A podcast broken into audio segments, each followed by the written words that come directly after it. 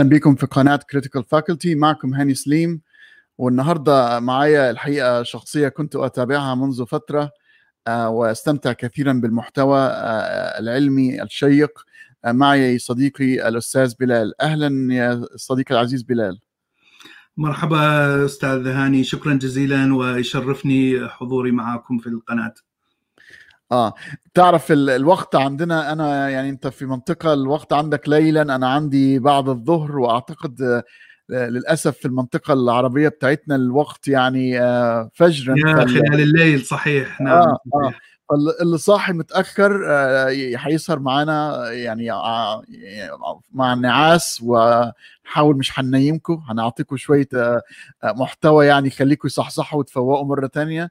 واللي صاحي بدري هو يعني يشوف شيء يختلف عن الروتين اليومي بتاعه صباحا.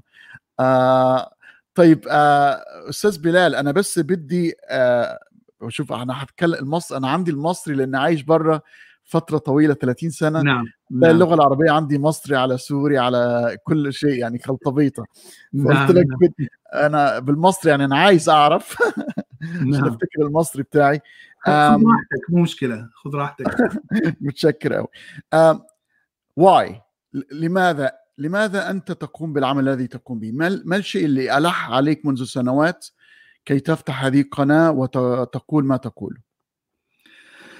القناة يعني الموضوع الأساسي للقناة هو الفرق ما بين المعتقدات المتوارثة والمعتقدات العامة الموجودة بالمجتمع وبين العلم ورأي العلم بهذه الأفكار وهذه المعتقدات. فأنا يعني من من منذ بدأت أن يعني أفكر وش اسمه يعني تقريبا نهاية الجامعة إلى الآن. يعني تقريبا 30 40 سنة.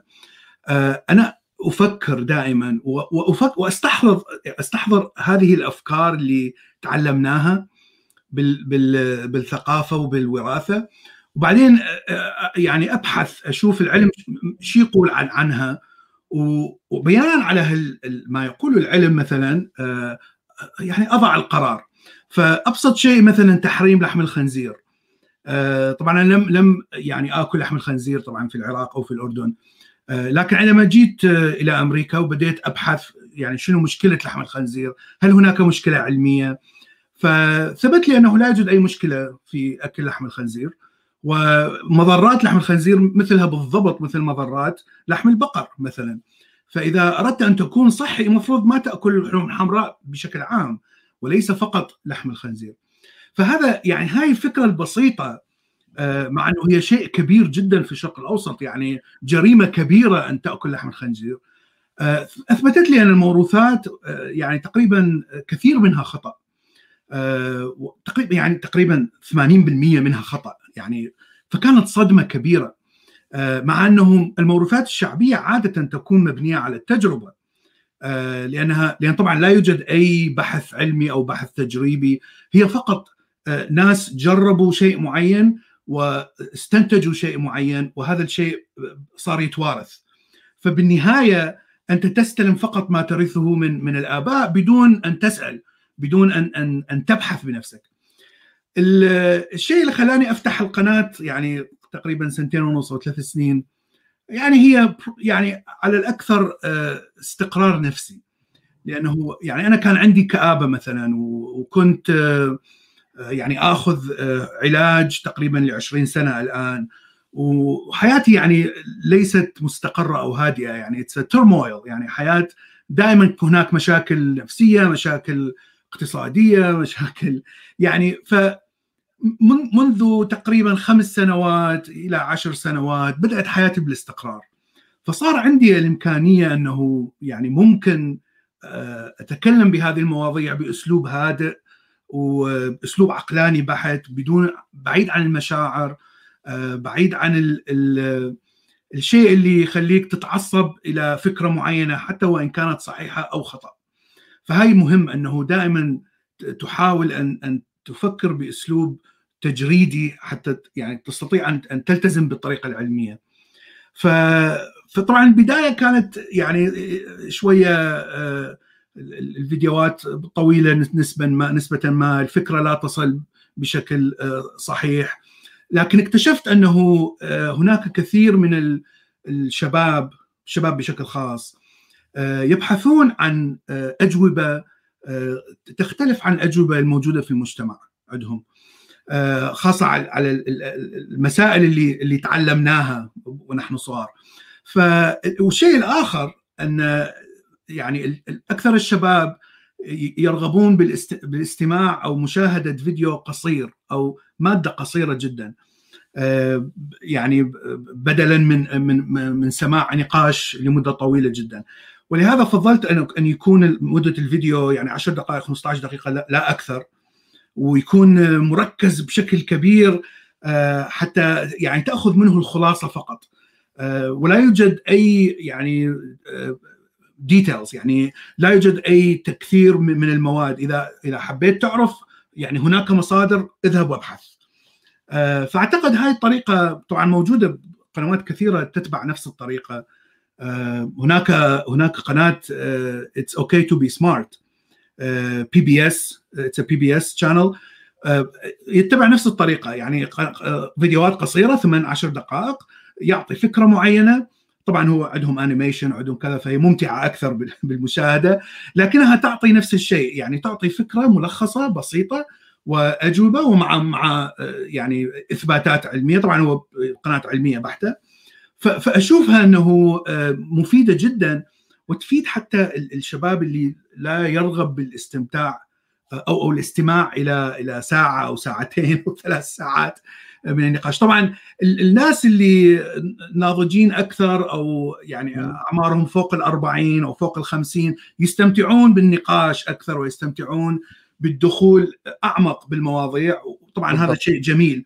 لكن الفكرة أنه أحاول أن أوصل الفكرة للشباب لأنه يعني الشباب اللي هم ضايعين في الشرق الأوسط بصراحة. وأنا وأنا أراها أراها بشكل واضح جدا يعني من من من الملاحظات اللي تجي على القناة. فعلا فعلا.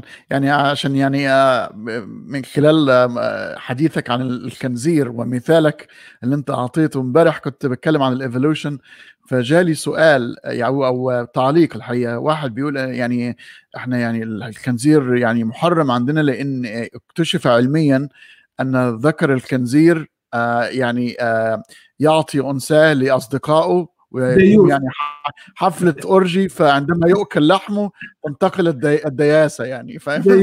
نعم. يعني ف يعني حتى الانهيرتنس أو توريث الصفات فكره إن هو تحصل عندما يأكل الإنسان لحم هذا الحيوان. فقلت له على الأقل على كده بقى بنفس المنطق. عندما يأكل الانسان السمك فإنه يستطيع أن يحبس أنفاسه تحت المياه يعني. نعم نعم فللأسف يعني عندنا مشكلة كبيرة في تقصي الحقائق. وطبعا لأن هذا الموروث يفيد الوازع الديني فبيصبح الحمد لله يريد أن يعني ساعات يخاف إنه يدور لأنه ممكن يكون في داخله يعرف إنه لما هيدور سوف يزعزع هذا الموضوع فيقول لك لا يا عم بلاش نقرأ لحسن الشيطان نعم. يدخل في المعمعة نعم. يعني. نعم نعم. هذا أول شيء في الحقيقة يعني هذا أول جواب سمعته لما بديت أتكلم خارج يعني خارج محيط العائلة إنه أنا عندي هكذا أفكار. هل هناك فعلا دليل على وجود خالق؟ هل وأحاول أن أتكلم بشكل منطقي إما فلسفي أو علمي. أول جواب هو هذا الشيطان يوسوس في عندك. حاول أن تبتعد هذه الأفكار هذا الشيطان. والحلول اللي تجي أنه كيف تتخلص من الشيطان. طبعا كلها عبارة عن يعني ريتشولز كلها عبارة عن أشياء تفعلها تصلي ما تصلي تدعي من الكلام هذا. فيعني هذه كانت أول صدمة في الحقيقة من المجتمع أنه حتى يرفض أن أن يناقش هذه الفكرة. نعم فعلا فعلا. طب بداية يا أستاذ بلال عشان أنا كمان الحقيقة يعني هعرف مع الجماهير لأول مرة عند إلقاء السؤال لأن معرفتنا ببعض كانت وجيزة يعني مجرد محادثات على التليفون قبل التحضير للحلقة آه، حضرتك الدراسة الأكاديمية يعني هل أنت محب للعلوم بشكل عام وتقرأ فيها بشراهة مثلي ولا أنت لك مثلا اتجاه أكاديمي معين يؤهلك تتكلم في آه، تفاصيل جزء معين في العلم؟ لا أنا أحب العلم بشكل عام. آه، الدراسة مال دراستي كانت آه، يعني هندسة هندسة control and system engineering وتخصص آه، يعني computer implementation فاخذتها من العراق. فكانت يعني مجرد رياضيات وتطبيق الرياضيات على النظم الميكانيكية النظم الكيميائية النظم الكهربائية. فدراستي كانت يعني جميلة جدا لأنه يعني جعلتني فعلا أحب الرياضيات وأحترم هذا العلم العظيم لأنه يعني يمكن الإنسان أنه يصنع الآلات المدهشة اللي نشوفها الآن في الحضارة. ف فهذه كانت البداية طبعا لكن طبعا لا يوجد عمل تطبيقي بالشرق الأوسط لهذا الاختصاص ف فيعني بقيت على البرمجة يعني ركزت على البرمجة فقط وصار هذا هو يعني that's my profession يعني إنه مبرمج نعم. لكن آه، لكن يعني حب ببدايه كان حب الفلسفة أكثر كنت أقرأ فلسفة أقرأ روايات أدبية آه، قرأت لي تقريبا كل الكتاب المصريين العالميين الأمريكان الأوروبيين حتى الكتاب اليابانيين آه، فظليت سنين أقرأ أدب وبعدين آه، تحولت إلى الفلسفة. الحقيقة لم أفهم كثير من ما أقرأه من الفلسفة. كان صعب صعب جدا. بذاك الوقت كانت يعني فوق آه، إدراكي. فحولت بديت أتحول للعلم بشكل بطيء جدا. ويعني مع السنين يعني بدأ التفكير ينضج. فبديت أفهم الأفكار الفلسفية اللي كنت أقرأها قبل عشر سنوات مثلا وبدت جمالية الفلسفة يعني تتوضح أكثر فأكثر. ويعني بديت مثلا في البداية لم أكن يعني لم أكن معجب بالفلسفة المثالية آه، لأنها يعني تفترض بوجود آه، أشياء مثالية خارج عن الكون الفيزيائي. آه الابريوري حياتنا الفيزيائية و... وتعتبر مثل المثاليات فكنت أعتبر هاي المثاليات يعني أفكار يعني لا يعني ليس لها علاقة بالواقع لكن بعدين لما بديت أقرأ وأفهم آه، كانت وأفهم هيجل وأفهم يعني الفلاسفة العظماء آه، Plato افلاطون يعني يعني بديت فعلا أحترم آه، هذه الأفكار وهذه العمارات الشامخة من من التفكير الإنساني. آه، فيعني في السنوات الأخيرة آه، يعني بديت أقرأ أكثر لل biology وال cosmology. آه، لأنه هذه هذه العلوم لم أكن أقرأ أي شيء عنها. مع الأسف لا يوجد كثير من المصادر في الشرق الأوسط يعني بالوقت اللي كنت أعيش هناك للبيولوجي أو ال cosmology. يعني خاصة ال cosmology لا أحد يهتم ب يعني الكون وأسرار الكون و آه، عمر الكون وكل الأشياء البحوث الجديدة. آه، لكن آه، لما جيت لأمريكا بديت فعلا أبحث عن كتب وأقرأ. ويعني أنا الآن تقريبا يعني كل أسبوع هناك هناك إما مقالة إما بودكاست إما فيديو إما كتاب عن ال cosmology أو عن البيولوجي. يعني لازم هناك مادة أقرأها عن عن هذين العلمين. آه، طبعا البيولوجي يعلمك آه، نفسك يعني آه، يعلمك جسدك يعلمك لماذا جسدك يتصرف بهذه الطريقة لماذا تموت لماذا تمرض كيف مثلا تحسن من من جسدك. فمهم جدا أن تعرف نفسك وتعرف ذاتك. والكوزمولوجي يعني يحاول أن يبحث في سر الكون أسرار الكون من أين جئنا. كيف تطور الكون كيف نشأت المجموعة الشمسية كيف؟ فيعني الشيئين آه، آه، يبحثون في الأسئلة عادة تكون غامضة ولا يوجد أجوبة عليها. فكل عشر سنوات نشوف هناك أجوبة جديدة تظهر لأسئلة يعني كانت موجودة قديما لكن لا أجوبة لها. ف يعني شيء ممتع جدا أن أن تقرأ في في هذين العلمين. آه. برضه لمعرفتك الشخصية. يعني أنا دراستي الأكاديمية كانت في, في من أحد دراساتي الفلسفة والمنطق وأنا عاشق. وبعد كده حبيت العلوم بشكل ك... يعني نفس تقريبا نفس القصة. إحنا نتلاقى أنت بتعرف الرياضيات وال... وفرع ال logic في الفلسفة. نعم. ال logic هو من نعم. ارسطوطل آه هو deductive نعم.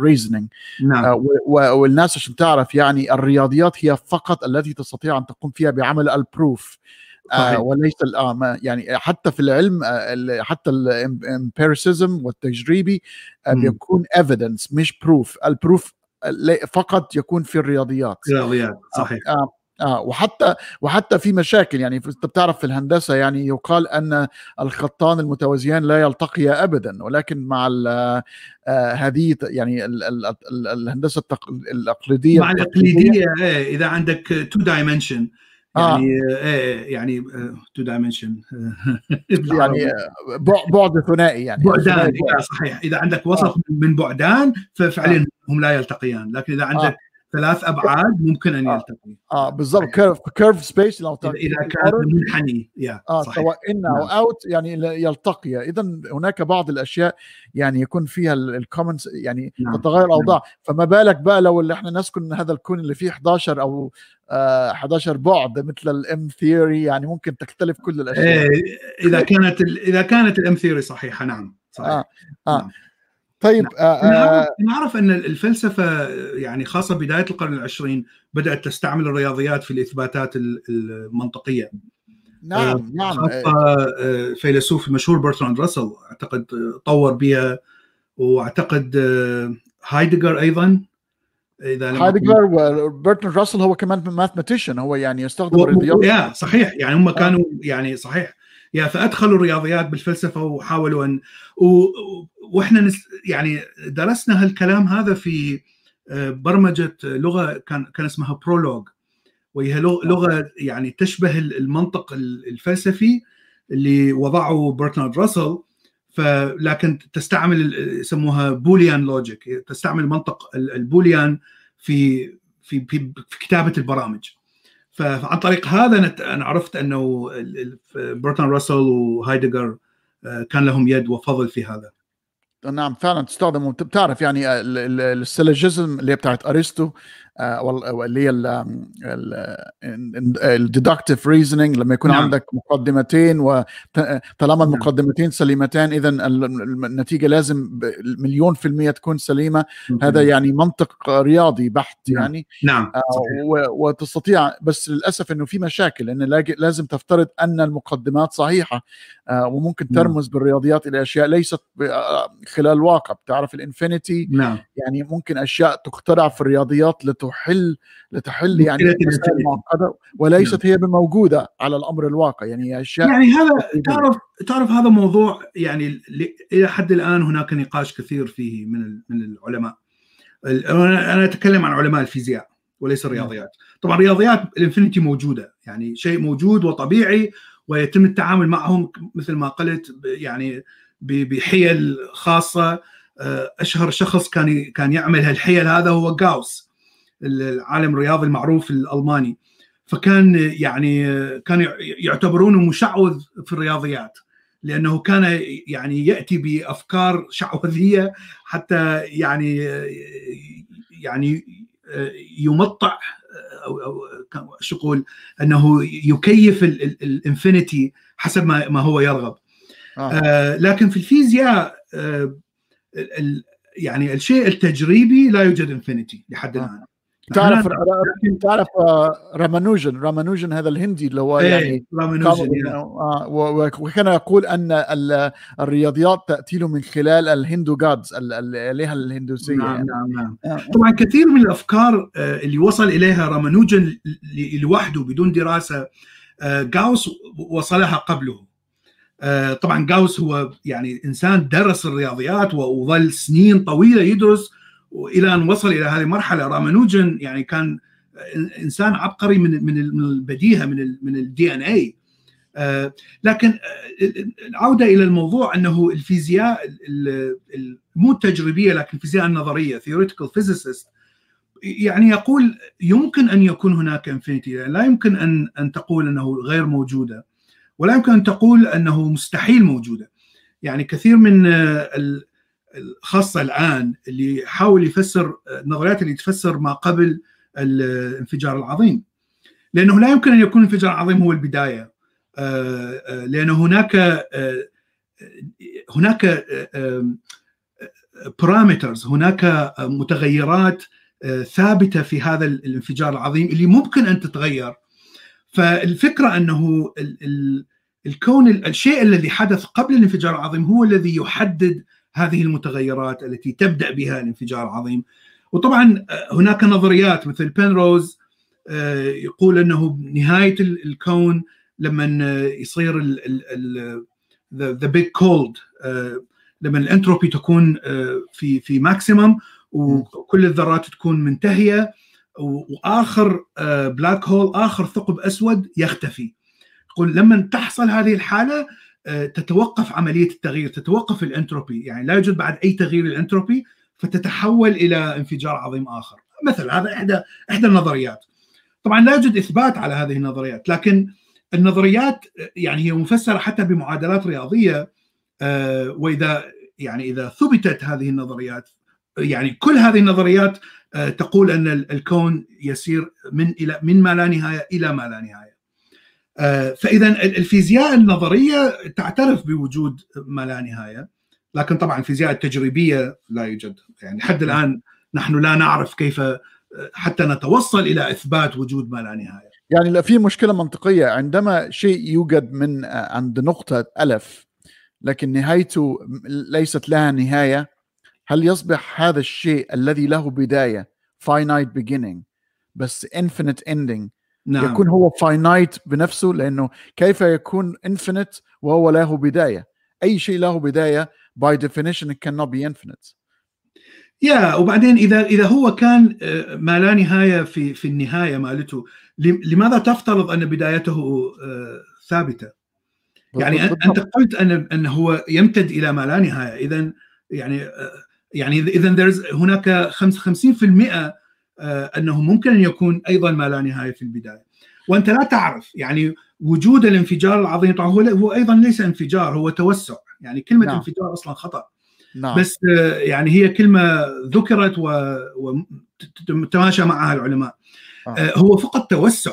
يعني هي هي لم تخلق من يعني من نقطة معينة. هي نقطة موجودة كانت وبدأت تتوسع. فإذا وجود هذه النقطة يعني مثلا كيف وجدت كيف توصلت الكون إلى وصول إلى هذه النقطة؟ طبعا هذا الشيء لا نعرفه لحد الآن. لكن هذا لا يعني أنه لا يوجد شيء قبلها. على فكرة دي كانت النقطة بتاعتي اللي أنا ناخذ الموضوع من أوله and God نعم. said let there be light. آه في البداية نعم. قال يعني نصنع النور النور وراه خيرا ف ففرح هذا الإله بفعله يعني أو بصناعته. آه كما حكيت سيادتك السنجلاريتي أو المفردة طبعا اللغة العربية هنا بتكون قصيرة جدا بالذات yeah. مع العلوم للأسف. فيعني اعذرونا إذا كنا يعني في بعض الكلمات نتعثر يعني. ففي ال singularity أو هذه المفردة الأولى لا أحد يعرف حتى للأسف روجر بينروز للأسف يعني في في الأواخر ابتدى شوية يخربط في موضوع ال consciousness وإن إن yeah. الوعي موجود في ابتدى يعني quantum conscious نعم, آه.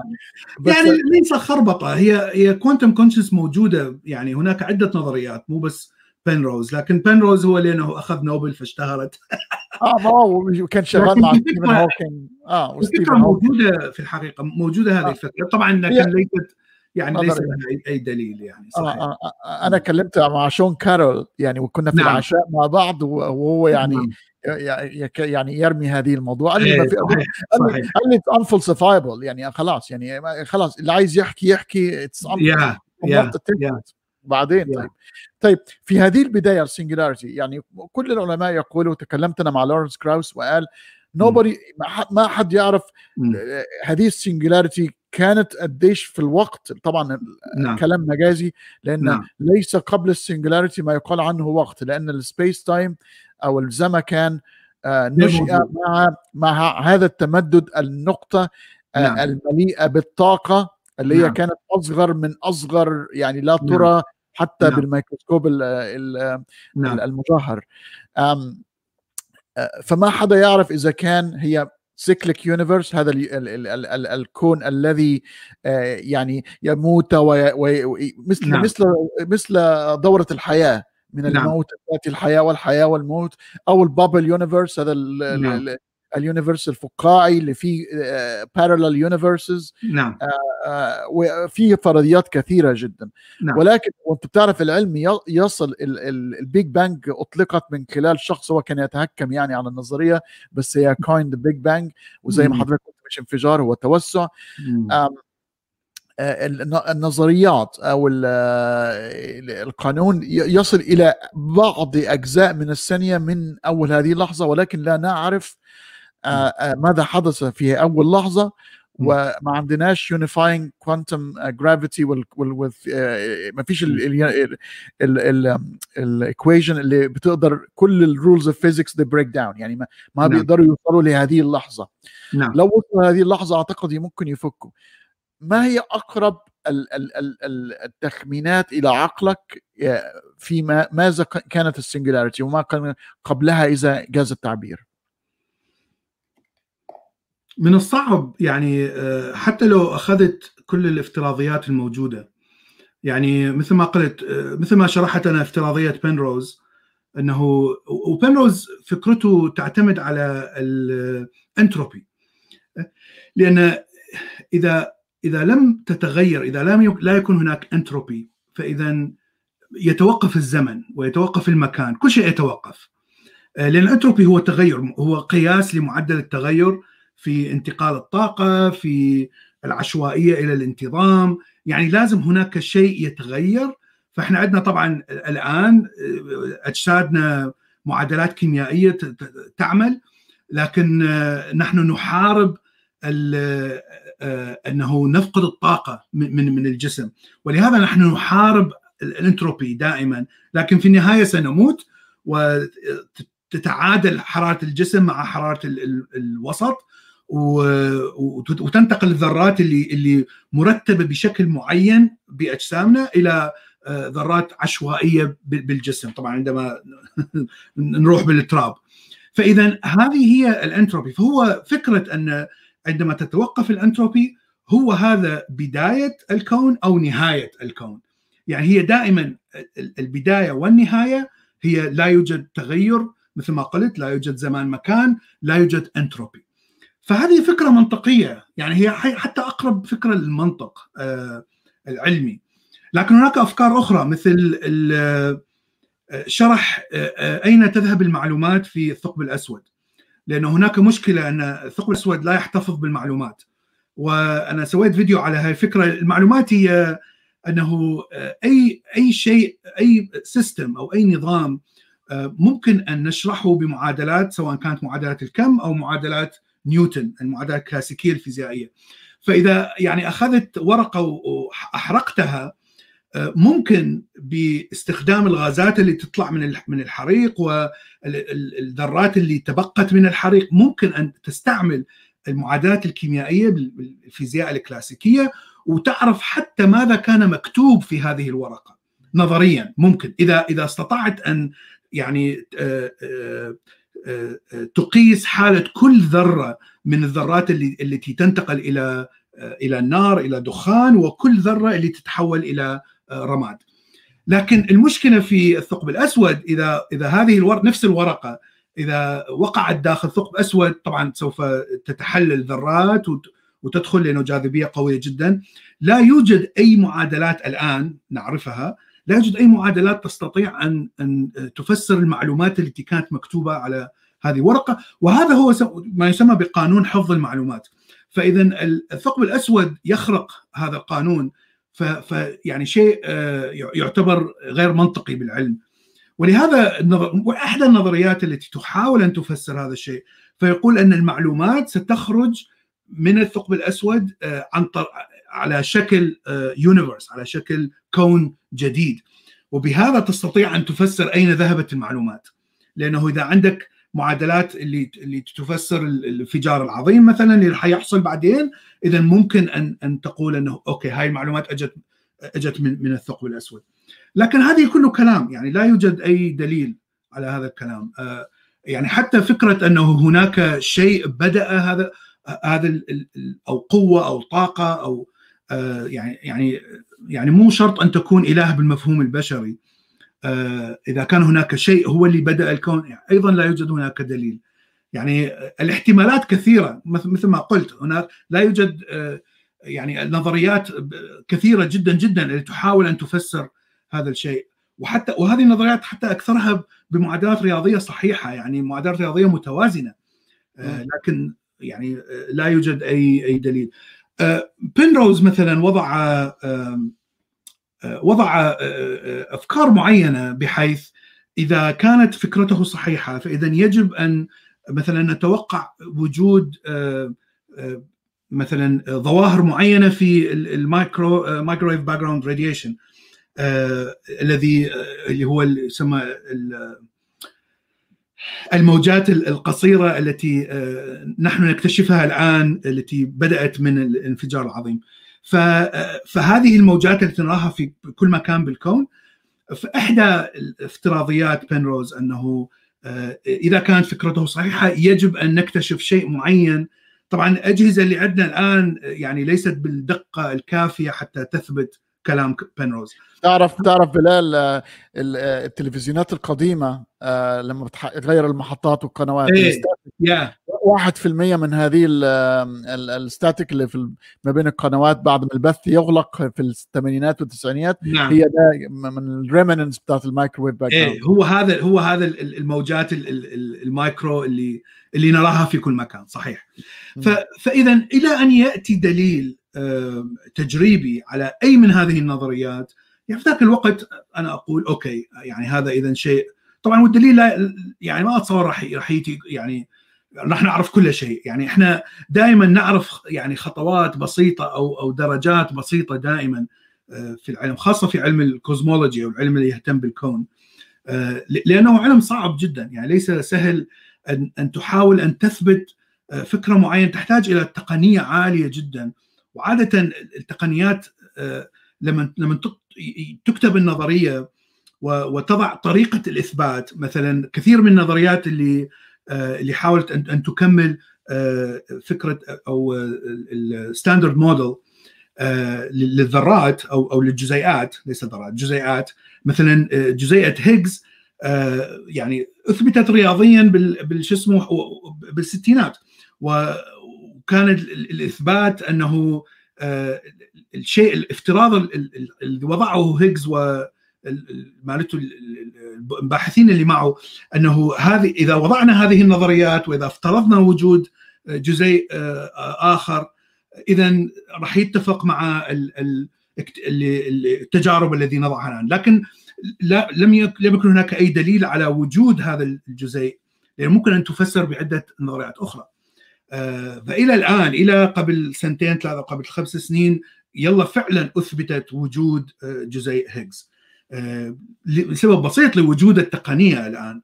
ولهذا يعني إثبات هذه النظريات ليس سهل. وهناك الكثير من النظريات لا يعني لا تضع إثبات لها.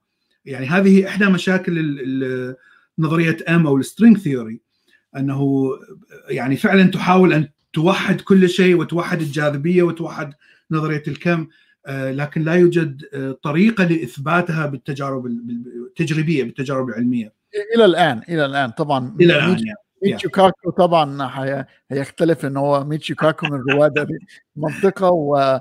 ويختلف معه كثير من العلماء بس ميتشو كاكو اللي بقى أعتقد هو يعني لورنس كراوس و... وشون كارول يعني ما بيحبوش يتكلموا في هذا الموضوع بيقولوا لك نعم. يعني خلي هي فرضيات وليست عليها أي نعم. نعم. آه... إيه لأنه لا تعطي طريقة للإثبات هذه هي المشكلة يعني لما بدأت فكرة ال parallel أو يسموها ال parallel الجزيئات المتماثلة. هذه الفكرة كانت ال super symmetry فهذه الفكرة استعملت نظرية الاوتار رياضيات نظرية الأوتار بتفسير طبعا تفسير ال black hole تفسير كثير الأشياء اللي لا نعرفها لحد الآن. لكن لم تكتشف. يعني هذه الجزيئات المعاكسة ما أعرف شلون تقولها بالعربي أو أو symmetrical لم تكتشف لحد الآن. وكان يتوقع ان تكتشف لأن لأن النظرية أو أو المعادلات تفسر بشكل جميل جدا. في ال Large Hadron Collider كان كانوا متوقعين. كان متوقعين ان تكتشف لكنها لم تكتشف. فاذا ولهذا كثير يعني بدأوا يعتبرون أن ال string theory هي مجرد يعني ترقيع علمي. آه أنا أنا نراه في التجارب. مشكلتي مع ال M theory انه هو مثل الرياضيات. أنت عندك مشكلة معقدة في الرياضيات فتخترع هذا ال pi أو يعني يرمز لشيء لكي يحل لك المعادلة. ولكن هو شيء افتراضي. فهو يعني يخلق هذه الدايمنشنز لتحل المشاكل. المشكلة يشوفوها بالتجارب. فيكون آه. ترقيع يكون ترقيع علمي. يعني أنا أنا لا أضع نظرية من ال من الكور من ال من الأساس تفسر شيء معين لا. أنا أستعمل نظرية موجودة وأحاول أن أغير فيها حتى تفسر أو حتى تتماشى مع التجارب التي نراها. يعني طبعا حتى هذا يعني خطأ. هذا علم يعني ليس نعم. ليس صحيح. حتى البعد الرابع كمان عليه يعني كلام إنه هو ليس fundamental يعني حتى ال space time يعني عليه افتراضي آه. نعم نعم. هو يعني ال space and time آه، ليس fundamental يعني لا المكان ولا الزمان يعتبر شيء أساسي آه، نعم. بالكون. طبعا أينشتاين كان يرفض هذا الكلام. كان يعتبر نعم. ال space time هو شيء أساسي آه، في الكون. نعم نعم. وطبعا تعرف أينشتاين كان من رواد ال steady state يعني هو yeah. كان أو كان يعتقد أن الكون سرمدي. يعني yeah. ليس له أو ثابت. أو لا يتغير. و و و و وماذا يعني بأنه يتغير؟ هو ممكن يكون بيتغير لكن بالنسبة أنت تكلمت عن ال conservation of energy و conservation of information فهو ممكن ممكن يتغير خارجيا أو تتغير مثل المخ تتغير يعني عندما تفكر في شيء مثلا عاطفة في chamber معين في المخ يعني يضيء. لا نعم. وتتغير مسمات هذا المخ ولكن المخ هو نعم. نفسه وهي نفس كمية ال neurons وممكن الكون نعم. يكون نفس الشيء يعني pulsating universe يعني ال information هي هي كل شيء هي هي بس ياخذ أوضاع مختلفة وأشكال مختلفة وهنا يمكن يكون أينشتاين كان بيتكلم عن الستيدي ستيت إنها ممكن تتغير على قشريا من الداخل ولكن نعم. كميات المعلومات والطاقة والذرات كميه المعلومات والطاقة والمادة ثابتة لا تتغير. ثابتة لا تتغير. نعم وهذا الكلام طبعا أثبت أنه غير صحيح لأن الكون يتمدد. طبعا هذا بتعرف أنه هذه فكرة غريبة جدا ولحد الآن صعب فهمها. لأن فكرة أن الكون يتمدد والطاقه تبقى كما هي لأن الطاقة لا تفنى ولا تستحدث. وهذا الكلام صحيح هذا الكلام ليس خطأ. لكن الكون يعني يبقى ويتمدد يعني التمدد موجود والتمدد يعني يزيد من المكان الذي نعيش فيه أو يزيد من حجم الكون. وكلما زاد حجم الكون زادت هذه الجزيئات التي تظهر من العدم وتفني آه، بعضها البعض. آه، اللي هي ال matter وال antimatter quantum foam إيه ال matter و antimatter فهاي الجزيئات إذا إذا يعني كان الكون صغير جدا فتكون آه، عدد هذه الجزيئات التي يظهر ويندفن أو أو يندثر آه، يكون أقل بكثير مما مما أن يكون الكون كبير جدا. فاذا الطاقة بقيت كما هي لأن هذه الجزيئات هي تدمر نفسها. فإذا الطاقة التي أنتجت هذه الجزيئتين ماتر انتي ماتر راح تعود يعني راح آه، تندثر. لكن آه، آه، عدد أو أو إمكانية وجود هذه الجزيئات أصبح أكبر بكثير.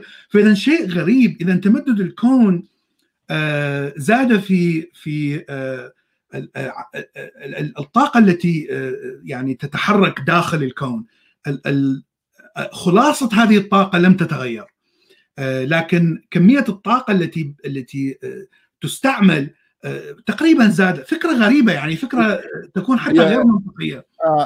هي هنا بقى بتتكلم عن ال dark energy بيقال أن ال dark energy أنت بتعرف إن إن أصلا الكون لم يكن ليتكون لأن ال matter لما يقابله ال antimatter وهو نعم. إحنا بنتكلم مجازا. كان نعم. يمكن أن ال antimatter ي- ي- ي- ي- ي- يساوي عدد ال matter. نعم. آه، آه، أو أو إذا يت- مساوي يتساوى، إذا مساوي لا يوجد مادة. لا صحيح. يوجد كون. خلاص انتهى. صحيح. وممكن- لا يوجد كون.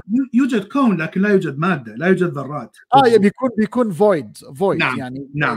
غازات و diluted وما نعم. لا, لا يوجد آه، ذرات. نعم. آه. بس لا يمكن في هذا الكون أن تنتج حياة يعني أعتقد. نعم. آه، لأنه يوجد ذرات. آه. يا، لا. بيكون يعني void نعم. آه آه وممكن كان برضو الاحتمال الثاني إن ال antimatter يتغلب على ال matter وهو على العم- العملية معكوسة. هو ممكن ال matter هو اللي يكون ال antimatter إحنا صحيح. لا نعرف؟ إحنا نسيب- أحد أحدهم كان أقل من الآخر. آه، طبعا لحد الآن لا يعرفون آه، كيف حصلت هذه هذا الشيء. هناك أيضا افتراضيات مثل هي ال- ال quantum foam ممكن يكون هو السبب مثلا. لكن لا يوجد إثبات لحد الآن لا يعرف. لا نعرف لماذا ال- ال matter هو أكثر من لماذا تغلب على ال antimatter فحكاية ال dark energy ان, هي بتتحكم في ال dilution بالرغم إن المساحة تزيد وتتباعد نعم. الأشياء عن بعضها البعض فتكون تعرف عندما تتجه الأجسام آه، الناس اللي ما بتعرفوش إن أو اللي صعب جدا وأنا نفسي بجد صعوبة في التخيل إن ساعة ال singularity أو المفردة لم يكن هناك ما هو خارج ال singularity. عندما نعم. تمددت ال singularity هي تصنع معها ال space يعني نعم. يعني نعم. ال space يت... وهكذا يحصل عند تمدد المجرات والكون. عندما يتمدد هو نحن يتمدد داخل نحن نعم. داخل هذه ال singularity نعم. بالضبط. نعم. في هو يتمدد في في في space لم يكن موجودا قبل التمدد. هو يصنع معه يعني لم يكن لم يكن موجودا لكن نحن نعرف ما إذا كان شيء موجود ما هو الموجود؟ ما نعرف. لا نعرف. لأنه نحن. داخل نحن داخل هذه ال singularity آه. فإذا كان هناك شيء إذا كان هناك عدة أكوان اللي هي ال bubble universes اذا ممكن أن يكون هناك bubble universes لكن لا يمكن أن نرى هذه ال universes لأنه نحن داخل هذه الفقاعة نعم. ال dark ال dark energy هي الطاقة التي آه، يعني تمدد الكون التي تنفر يعني تنفر ال- المادة المواد الموجودة طبعا هي تبدأ بال- بالأجسام الصغيرة وتنتهي بالمجرات. فهي وال- وال super cluster ال- ال- المجرات ال- ال- ال cluster. آه، ف تجمعات يعني تجمعات. تجمعات نعم. آه، فإذا آه. كانت ف- ف- فهي تبعد لأنها تنفر المادة. لكن لحد الآن أيضا لا نعرف ما هي ال dark energy يعني هي ليست ال quantum foam هي ليست هذه ال- لأنه الطاقة التي تنتجها هذه ال- الجزيئات ضئيلة جدا جدا جدا بالنسبة إلى آه، ال- ال- الطاقة المظلمة التي يعني تؤثر على ال- خاصة التباعد الآن الكون يتباعد بشكل تعجيلي آه، تسريع. يعني آه، يعني هو سرعة التباعد تتزايد الآن. فمع الأسف يعني هاي ال quantum foam يعني لا تفسر آه، هو إحنا بنتكلم 95% من الكون ما بين ال dark matter وال dark energy وتسمى dark مش لأن هي ممكن ال dark matter يعني اسم على مسمى شوية لأنها نعم. تمتص, تمتص الضوء فعلا ولا ولا تعمل emission للضوء. إنما تسمى dark مجازا لانهم لا يعرفوا عنها شيء يعني. يا يا هو هو مو تمتص الضوء لكن لا تتأثر بالضوء لا تتاثر يعني آه. بال micro electromagnetic wave أو.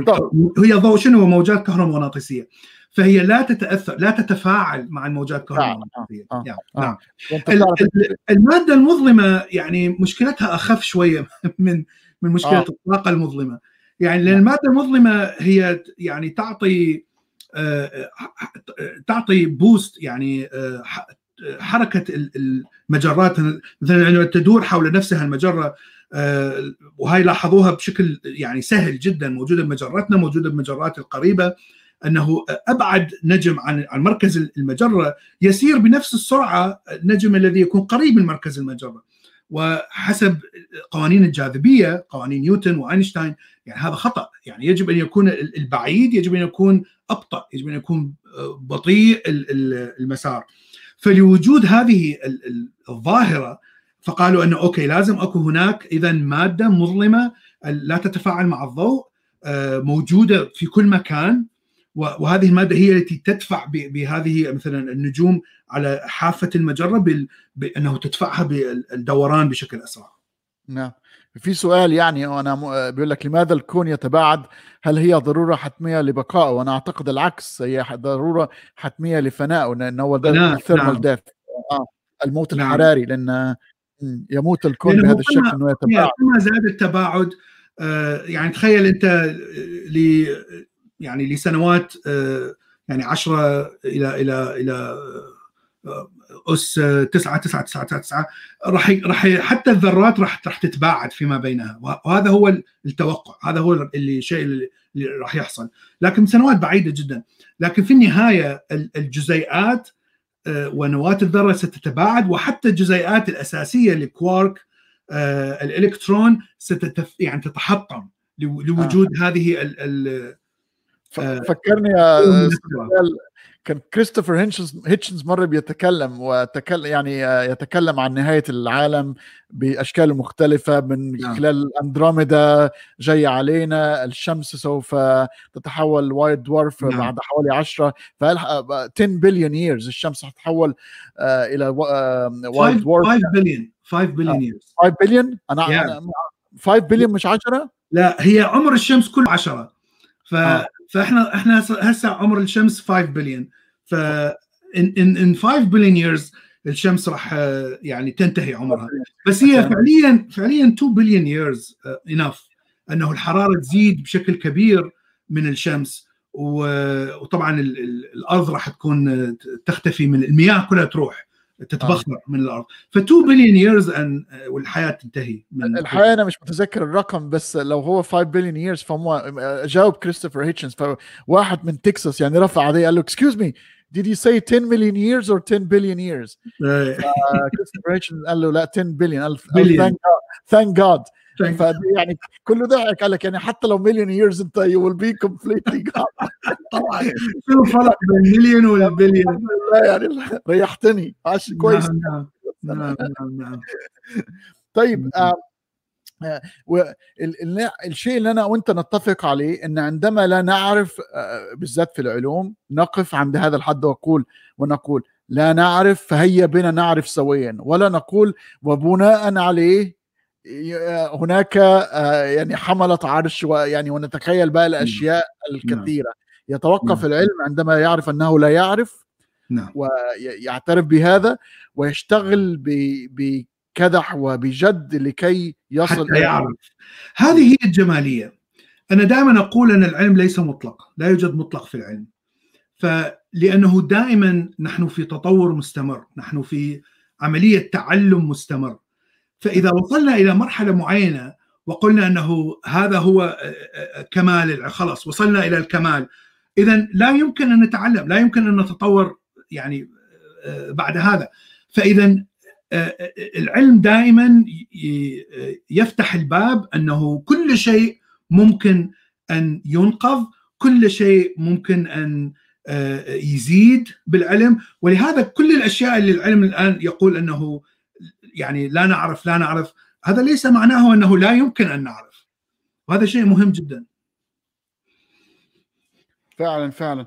آه على فكرة أنا عملت جوجل وأنا معاك دلوقتي على نعم. حكاية ال sun نعم. واجا إجالي آه أجوبة مختلفة. في ناس قالوا في بيقولوا 10 وفي آه ال space dot com بتقول من 8 مليون 8 مليار sorry نعم نعم اذا يعني يختلف الرقم يبدو إن. الرقم ليس هناك عليه. آه يعني هي بتبقى أشياء يعني مجازية إنما إحنا طب الرقم اللي هو بتاع 13.76 billion years هو عمر ال- هذا عمر الكون الكون آه نعم. هذا بيقول لك الدقة بتاعته وصلت إلى plus أو minus 100 to 200 million years يا دقته عالية دقته هاي عالية. نتيجة ال ال أتصور الشاندرا ليفي وال X-ray ال X-ray telescopes بالضبط آه. يعني اللي تعطيك يعني أفضل mapping لل خاصة للموجات الكهرومغناطيسية اللي تجي من مجرات بعيدة جدا نعم نعم. آه، فدقة الأجهزة هي اللي تعطيك دقة الرقم آه. لكن يعني- هناك تعرف هناك مشكلة الآن في ال cosmology أنه الرقم اللي يجي من ال- الموجات الكهرومغناطيسية اللي هو الرقم اللي نعرفه الآن أتصور 13.8 يختلف عن الرقم الذي آه، إذا حسبته من ال micro background radiation الموجات المايكرويف الموجودة من من زمن ال big bang. فهناك طريقة أخرى أيضا تعتبر صحيحة أن تحسب عمر الكون من هذه الموجات. لأن هذه الموجات بالأصل آه، آه، يعني نتجت في في آه، زمن معين من من ال big bang ما أعرف بالضبط أي ما هو كان الزمن. ثانية ثانيتين يعني شيء من هذا القبيل. في بداية الكون فهي يعني نشئت في ذلك الكون وكانت طبعا موجات على عالية جدا بالتردد. يعني كانت فوق الخيال تردد عالي جدا. لكن لتمدد الكون فبدأت تتمطى. يعني مثل ما عندك موجة وتمطيها للموجة فتتحول من موجة عالية تردد إلى أقل تردد أقل أقل أقل إلى أن يصل مايكرو ويف اللي هو تردد يعني قليل جدا بطيء جدا. فنظريا يمكن أن تحسب عمر الكون آه، عن طريق هذا الشيء. فاتصور عمر الكون الذي حسب الآن هو 13.4 أو 3 بليون إذا حسبوه عن هذه الطريقة. فإذا هناك تناقض ما بين الرقم اللي يأتي من ال microwave background والرقم اللي يأتي من الإرصادات آه، ال X-ray بس, بس إحنا نتفق على الأقل انه مش 6000 سنة يعني. لا طبعا مستحيل يكون 6000 عارف في يعني آه، إشاعة بتقول هذا لأن في آثار موجودة في العالم أقدم من 6000 سنة يعني ونعرف نعم نعم. هو, تعرف آه، أنا مرة قرأت لي دوكنز فيقول أنه إذا أنت فعليا تؤمن أو تقتنع بأن الأرض عمرها 6000 فأنت ترفض علم الجيولوجي لأنه الجيولوجي هو العلم اللي يبحث في عمر الصخور. ترفض آه، علم الفيزياء النووية لأن الفيزياء النووية ال nuclear physics هي التي تحدد عمر الأحجار عن طريق ال nuclear decay عن طريق التحلل النووي. ترفض آه، علم بيولوجي آه، لأنه إحنا نعرف أجسامنا وحفريات الموجودة هي موجودة من قبل 6000 سنة. يعني يعني هو حط لك دستة من من العلوم اللي كلها لازم ترفضها. ترفض العلم يعني آه. يعني شيء شيء رهيب. كيف يمكن أن أن ترفض كل هذا العلم وتقتنع بقصة قيلت لك بدون أي إثبات بدون أي دليل؟ يعني طيب. شيء فعلا غريب. آه، أنا عارف أنا عارف إن الموضوع هياخدنا وأنا وأنت لما بندردش سوا مش ح... يعني الموضوع هيطول بس أنا عاوز نعم. تعالى نخرج بقى من السي... من الفسي... cosmology شوية نعم. ونخش على مشكلة كنت أتكلم عنها امبارح اللي هي فكت يعني مشكلة ال cosmology تعرف جاليليو وكوبرنيكوس وكل هذول الناس يعني كان عندهم مشاكل مع الكنيسة في الأول ولكن استطاعت بعض التوائمات أن تجعل آه، بالذات من التفسيرات التجريدية للعهد القديم والعهد الجديد أن تقول أن هذه الأشياء يعني استعارات مكنية وكنايات وشيء أدبي واليوم ليس بيوم والألف سنة ليس بألف سنة نعم. والضوء ليس يعني يطلع من هذا الموضوع إنما كان دائما التعقيد الحياة آه، البيولوجية وتكلم عنها ويليام بيلي هذا الفيلسوف المسيحي ان أن وتكلم عنها في في يعني في معضلة صانع الساعات أن هنا عندما تجد ساعة على شاطئ يجب أن يكون هناك وراءها صانع طبعا عليه دوكنز the blind watchmaker بس هذا الموضوع كان أكثر شيء معقد. عندما يرى الناس التعقيدات الحياتية وبنتكلم بقى هنا في ال cosmology ليها ناس معينة بنتكلم عن ال elite الناس اللي فوق. إنما الصياد هذا العادي والإنسان المتواضع يرى جمال البحر والأشجار يوميا. فيعني يقول يعني يبدو أن هناك هناك كده أن هناك أكيد مصمم لهذه الأشياء. نعم. آه نعم. هذه الموزة التي يعني تمسكها في قبضتك وتكون بنفس انحناء القبضة بتاعتك.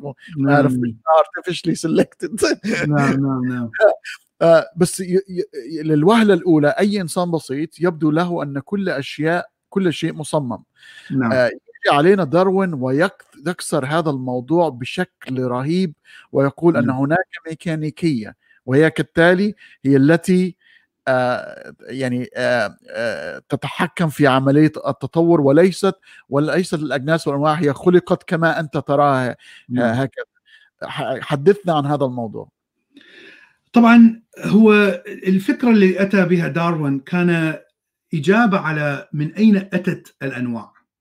يعني هو لم يحاول أن يجيب أنه آه، كيف نحن خلقنا من أين نحن خلقنا.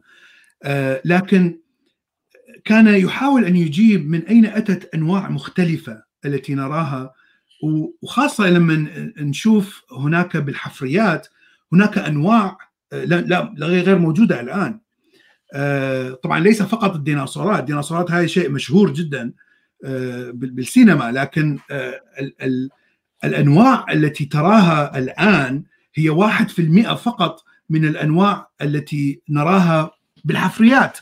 فاذا تقريبا 99% من الأنواع انقرضت. وهذا الشيء الذي نراه هذا هذه الحفريات التي نراها طبعا نجمعها مع الأنواع التي تعيش الآن. فإذا هناك آلاف الأنواع التي نكتشفها بالحفريات لكنها غير موجودة. فداروين كان يفكر طيب طيب إذا هذه الأنواع مثلا كانت تعيش ثم ماتت وبعدين انواع التي تعيش الآن غير موجودة في الحفريات. إذا هذه الأنواع الجديدة التي التي تعيش الآن من أين أتت؟ فأنت ترى مثلا آه، الفيل أو ترى الزرافة.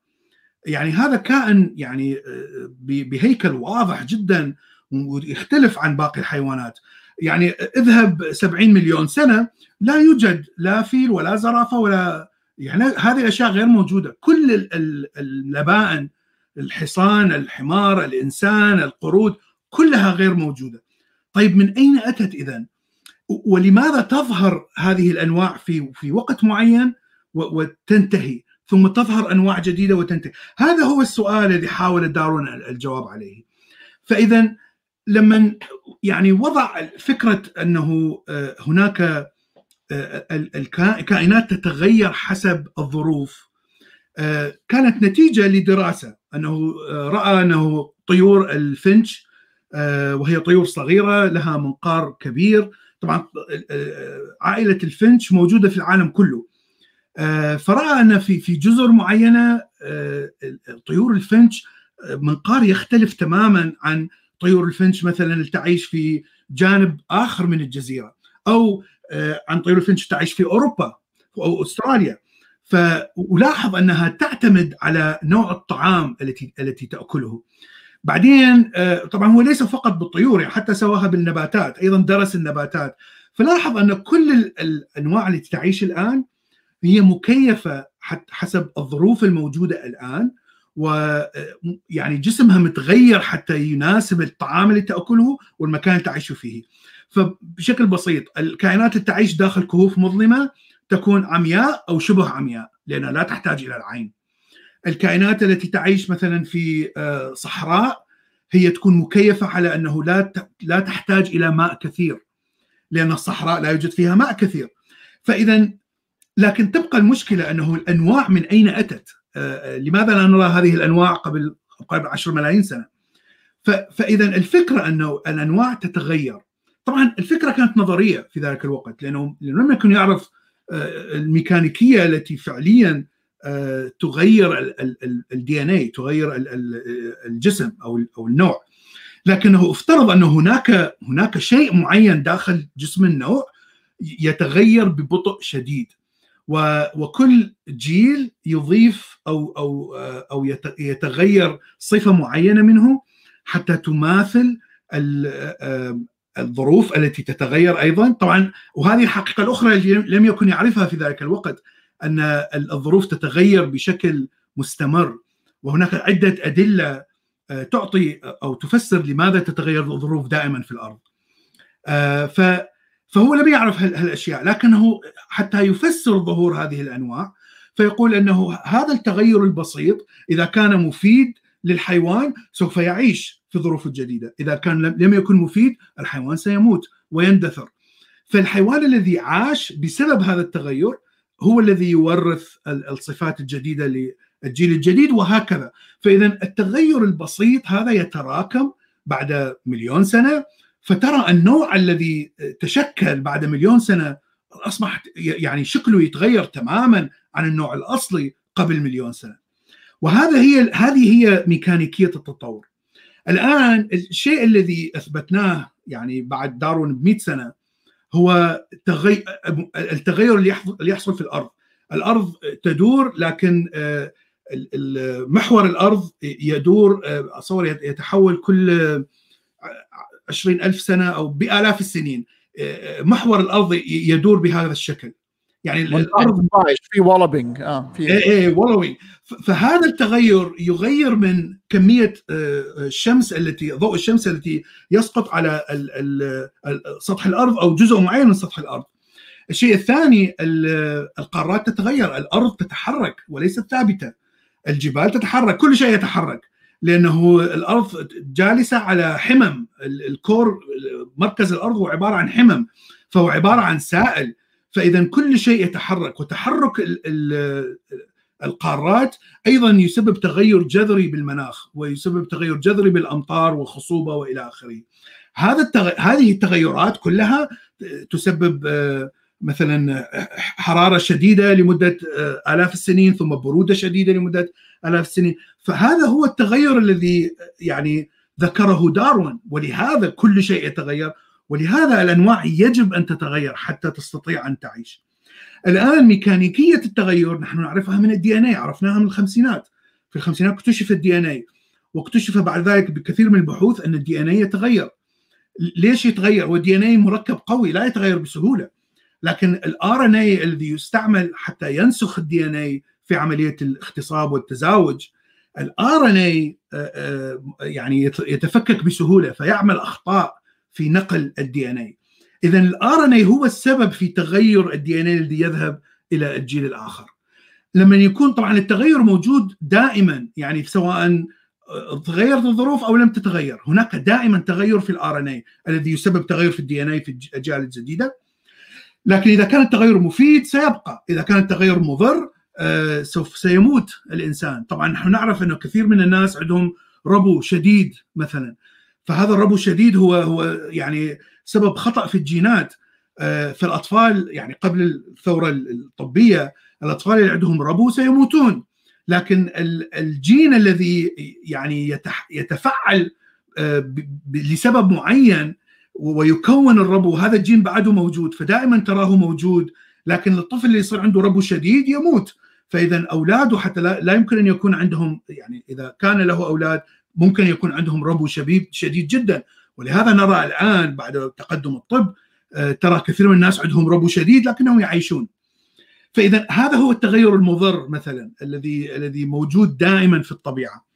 فإذا نحن نعرف الميكانيكية الصحيحة ونراها حتى في المختبر نستطيع أن نراها في المختبر كيف تتغير الدي ان اي الآن المشكلة أن يعني المتدين يقول أنه هذه آه، هذا تغير بسيط هذا تغير آه، آه، داخل النوع هذا ليس تطور هذا هذا هذا لا يعني أن النوع يتغير.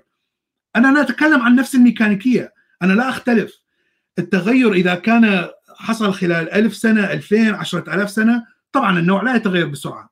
لكن إذا استمر هذا التغير خلال مليون سنة سيتغير النوع لا يمكن أن يبقى نفس الشكل. آه، فإذا أستاذ بلال نعم. دائما يحكوا لك يقول لك ده micro micro evolution micro and macro yeah فأنا امبارح يعني سألت السؤال قلت لهم ال micro evolution ليه معادله بسيطة؟ هو micro evolution plus time إيه نفس التغير بالضبط. نحن لا يعني لا نفرق بينهم. بس بس يعني بالضبط ضع وقت سترى أن النوع يتغير. وبمعنى أن النوع لا يتزاوج مع النوع الأصلي. وهذا التغير الذي نقوله. يعني عندما نقول ظهر نوع جديد بمعنى أن النوع الجديد لا يتزاوج مع النوع الأصلي. طبعا نعم. الأصلي بمعنى أنه قبل مليون سنة آه، لا يتزاوج معه. فهذا هذا هو تعريف النوع في في البيولوجي. بيسمى speciation وبيحصل. يعني بتشوف مثلا أول شيء بيحصل إنه يكون ال offspring أو الاولاد بتوع هذول بيكون زي ما أعتقد الحصان والحمار نعم. يعطيك mule هذا ال mule بيكون sterile يكون آه يكون عاقل. عاقر آه. صحيح آه. yeah. وهذه البدايات فيصبح فيحصل بقى ال drift ويحصل ممكن ان يحصل yeah ممكن يحصل mutation أو أو أو خطأ بحيث أحد أحد هؤلاء الميول ممكن أن أن يكون غير عاقر يعني, يعني آه. هذا ممكن أن يحصل ولا آه. تعرف متى يحصل لكن وأنا ذكرت تجربة بذباب الفاكهة لأن ذباب الفاكهة يعني تكاثر بسرعة شديدة آه، لا أعرف المدة يعني بس يعني خلال يعني مدة قصيرة جدا بحيث ممكن أن أن أن نولد أجيال كثيرة في في مختبر. فلاحظوا يعني إذا وضعت طعام مختلف و يعني غازات مختلفة بحيث هنا صعب الحصول على السكر مثلا وهنا سهل الحصول على السكر وعندك مجموعتين طبعا من نفس النوع. بعد مدة معينة وبعد آلاف الأجيال آه، ترى أن النوع الذي تكون من هنا لا يتزاوج مع النوع الذي تكون هنا. فصار تغير يعني آه، بالدي ان اي تغير بدرجة أنه لا يوجد تزاوج. وهذا هو النوع الجديد. هذا هو تعريف النوع الجديد. فأنت يعني آه، تضع نفس الفكرة على على زمن الملايين السنين. التطور من من الحفريات نحن نعرف أن أول حفريات من الهومو قبل مليونين ونصف سنة تقريبا. آه هذا أول أول homo الذي يستطيع أن يمشي على منتصب homo erectus I think homo erectus yeah وحتى نعرف ماذا أتى قبله يعني حتى قبله الاسترالوبيثيكس اللي اللي هم منحنيين بشكل آه. واضح ويشبهون africanus afarensis آه. إيه هو جنس الاسترالوبيثيكس ف... ف... فتلاحظ هناك يعني عدة حلقات واضحة جدا من من التغير. ال... الشيء ال... الشيء الذي كانوا يعني يفسرون به ظهور الأنواع هو أن الله يخلق هذه الأنواع كل كل فترة. يعني هذه كانت الفكرة السائدة حتى فكرة علمية أيضا في ذاك الوقت. أنه يا الله هو كل 200 3000 سنة يخلق أنواع جديدة ويمد بها بالأرض. طبعا هذا الكلام أثبت أنه خطأ لأنه لا يمكن أن تنتج نوع جديد من لا شيء، يعني لا يوجد هذا الشيء. فكان هناك نظرية أن آه، الأنواع تأتي من التراب. آه، طبعا فكرة أنه الإنسان من تراب قديمة جدا وليس فقط بالإسلام آه، يعني فكرة قديمة انه لأنه يروا أن كل كل حيوان يموت يتحول إلى تراب، فكرة أن التراب هو مادة واحدة وهي فعلا تعرف في الديانات ليس مادة واحدة الديانات الهندية الأمريكية القديمة تتكلم نعم. عن هذه السلحفاء التي يعني آه، نزلت تحت المحيط اللي هي الترسه البحرية فتطلع وعلى ظهرها الطمي أو الرمال فتكون نعم. يعني نعم. حكاية السويل والتراب وال هو شيء منطقي منطقي لأن أنت عندما ترى الكائنات تموت بما فيها الإنسان ترى تتحول إلى تراب. نعم. فتعتقد أن التراب هو مادة أساسية. لكن ليس التراب طبعا لا ليس مادة واحدة نحن الآن نعرف. آه ولهذا كانوا يعتبرون التراب والماء والهواء والنار هي هي المواد الأساسية وقت الإغريق. ف يعني حتى إلى إلى وقت داروين كانوا يعتقدون أن الحياة تنبثق من التراب بوجود آه، ماء وبوجود بوجود هذا وتنبثق بشكل تلقائي بدون أي آه، فطبعا آه، وكان هناك تجارب علمية بذاك الوقت بحيث يعني حاولوا يضعوا مكان منعزل بشكل تام حتى يثبت أنه فعلا لا يوجد أي حياة تخرج من من هذا الشيء. وأعتقد كان العالم الذي لويس باستور أتصور هو الذي أثبت أنه هذا كلام خطأ علميا خطأ تماما. هذا هذا لويس لوي باستور اللي هو بتاع البسترة اللي عم اللي صنع بتاع البسترة yeah yeah yeah. اتصور اعتقد أعتقد كان لوي باستور ف لا يمكن يعني الكائنات لا تتكون هكذا من من من تراب. وطبعا لا يوجد دليل على أن هناك إله يخلق هذه الأنواع ويعني يشحن بها إلى الأرض.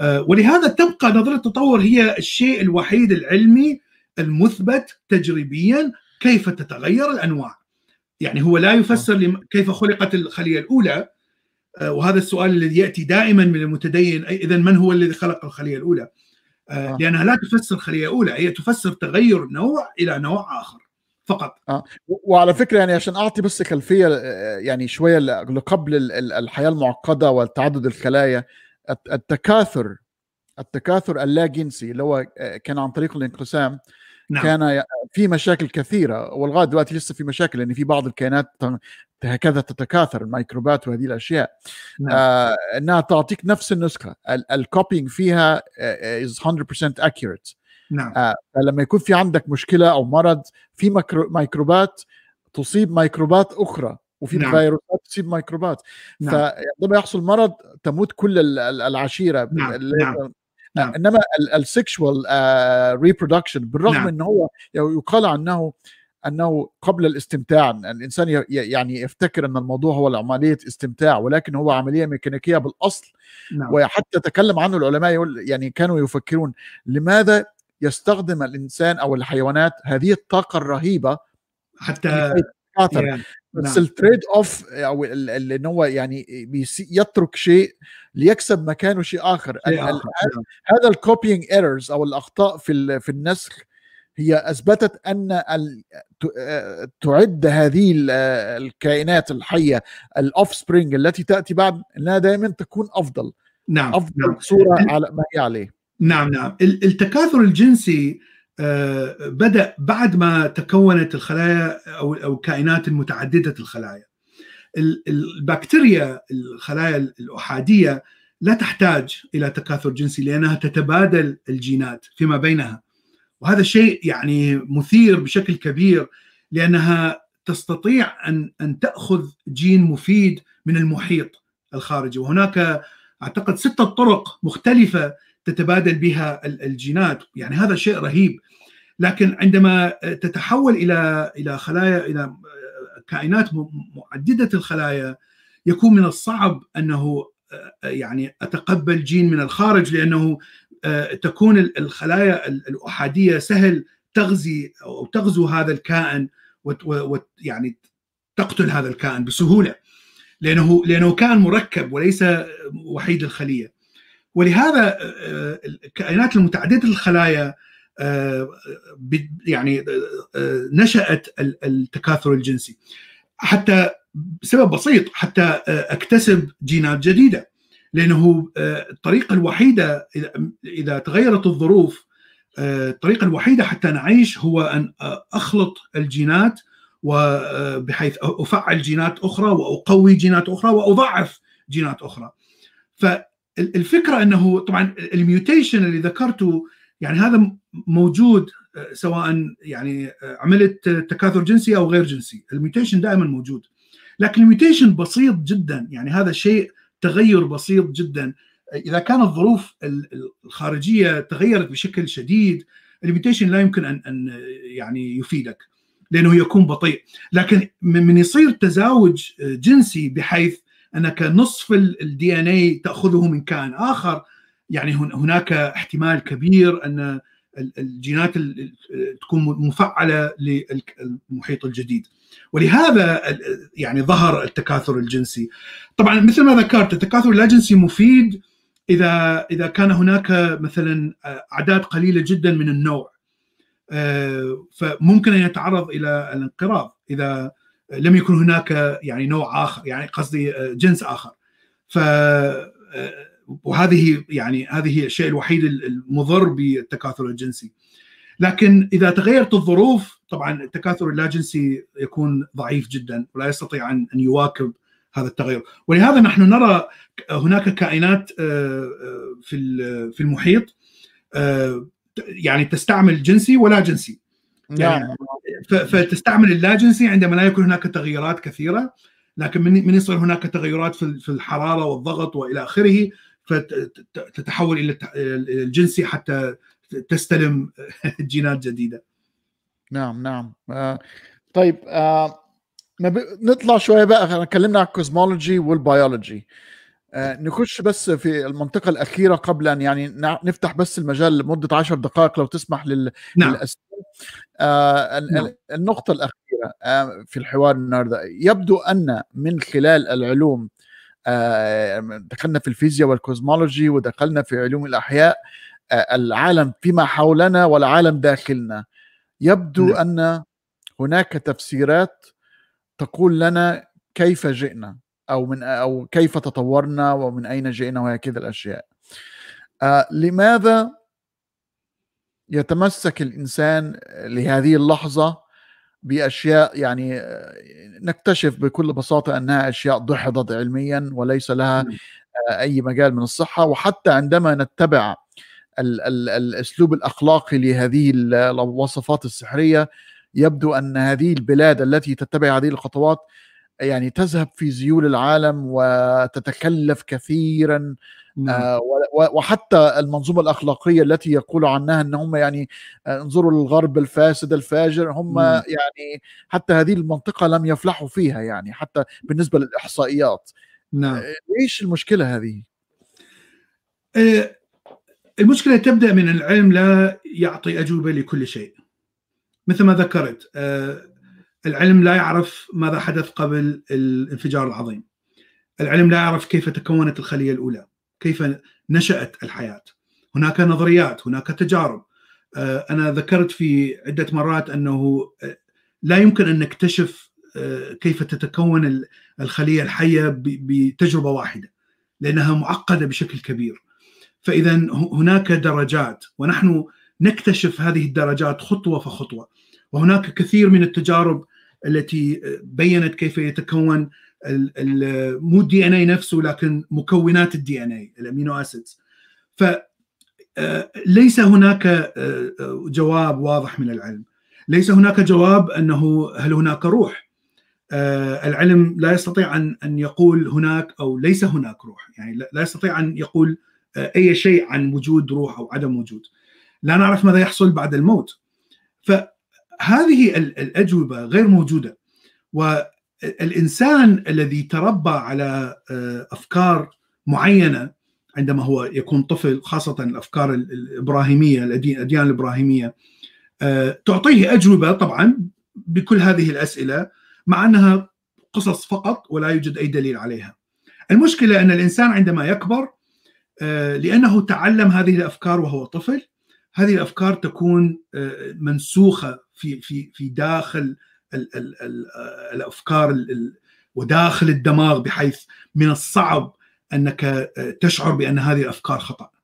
فأنت تحس أن دينك هو الصح، أنت تشعر بأن هناك إله، أنت تشعر بأن وجود الجنة صحيح وكذا. فليش تشعر؟ ليش المسيحي يشعر إنه صح والمسلم يشعر إنه صح؟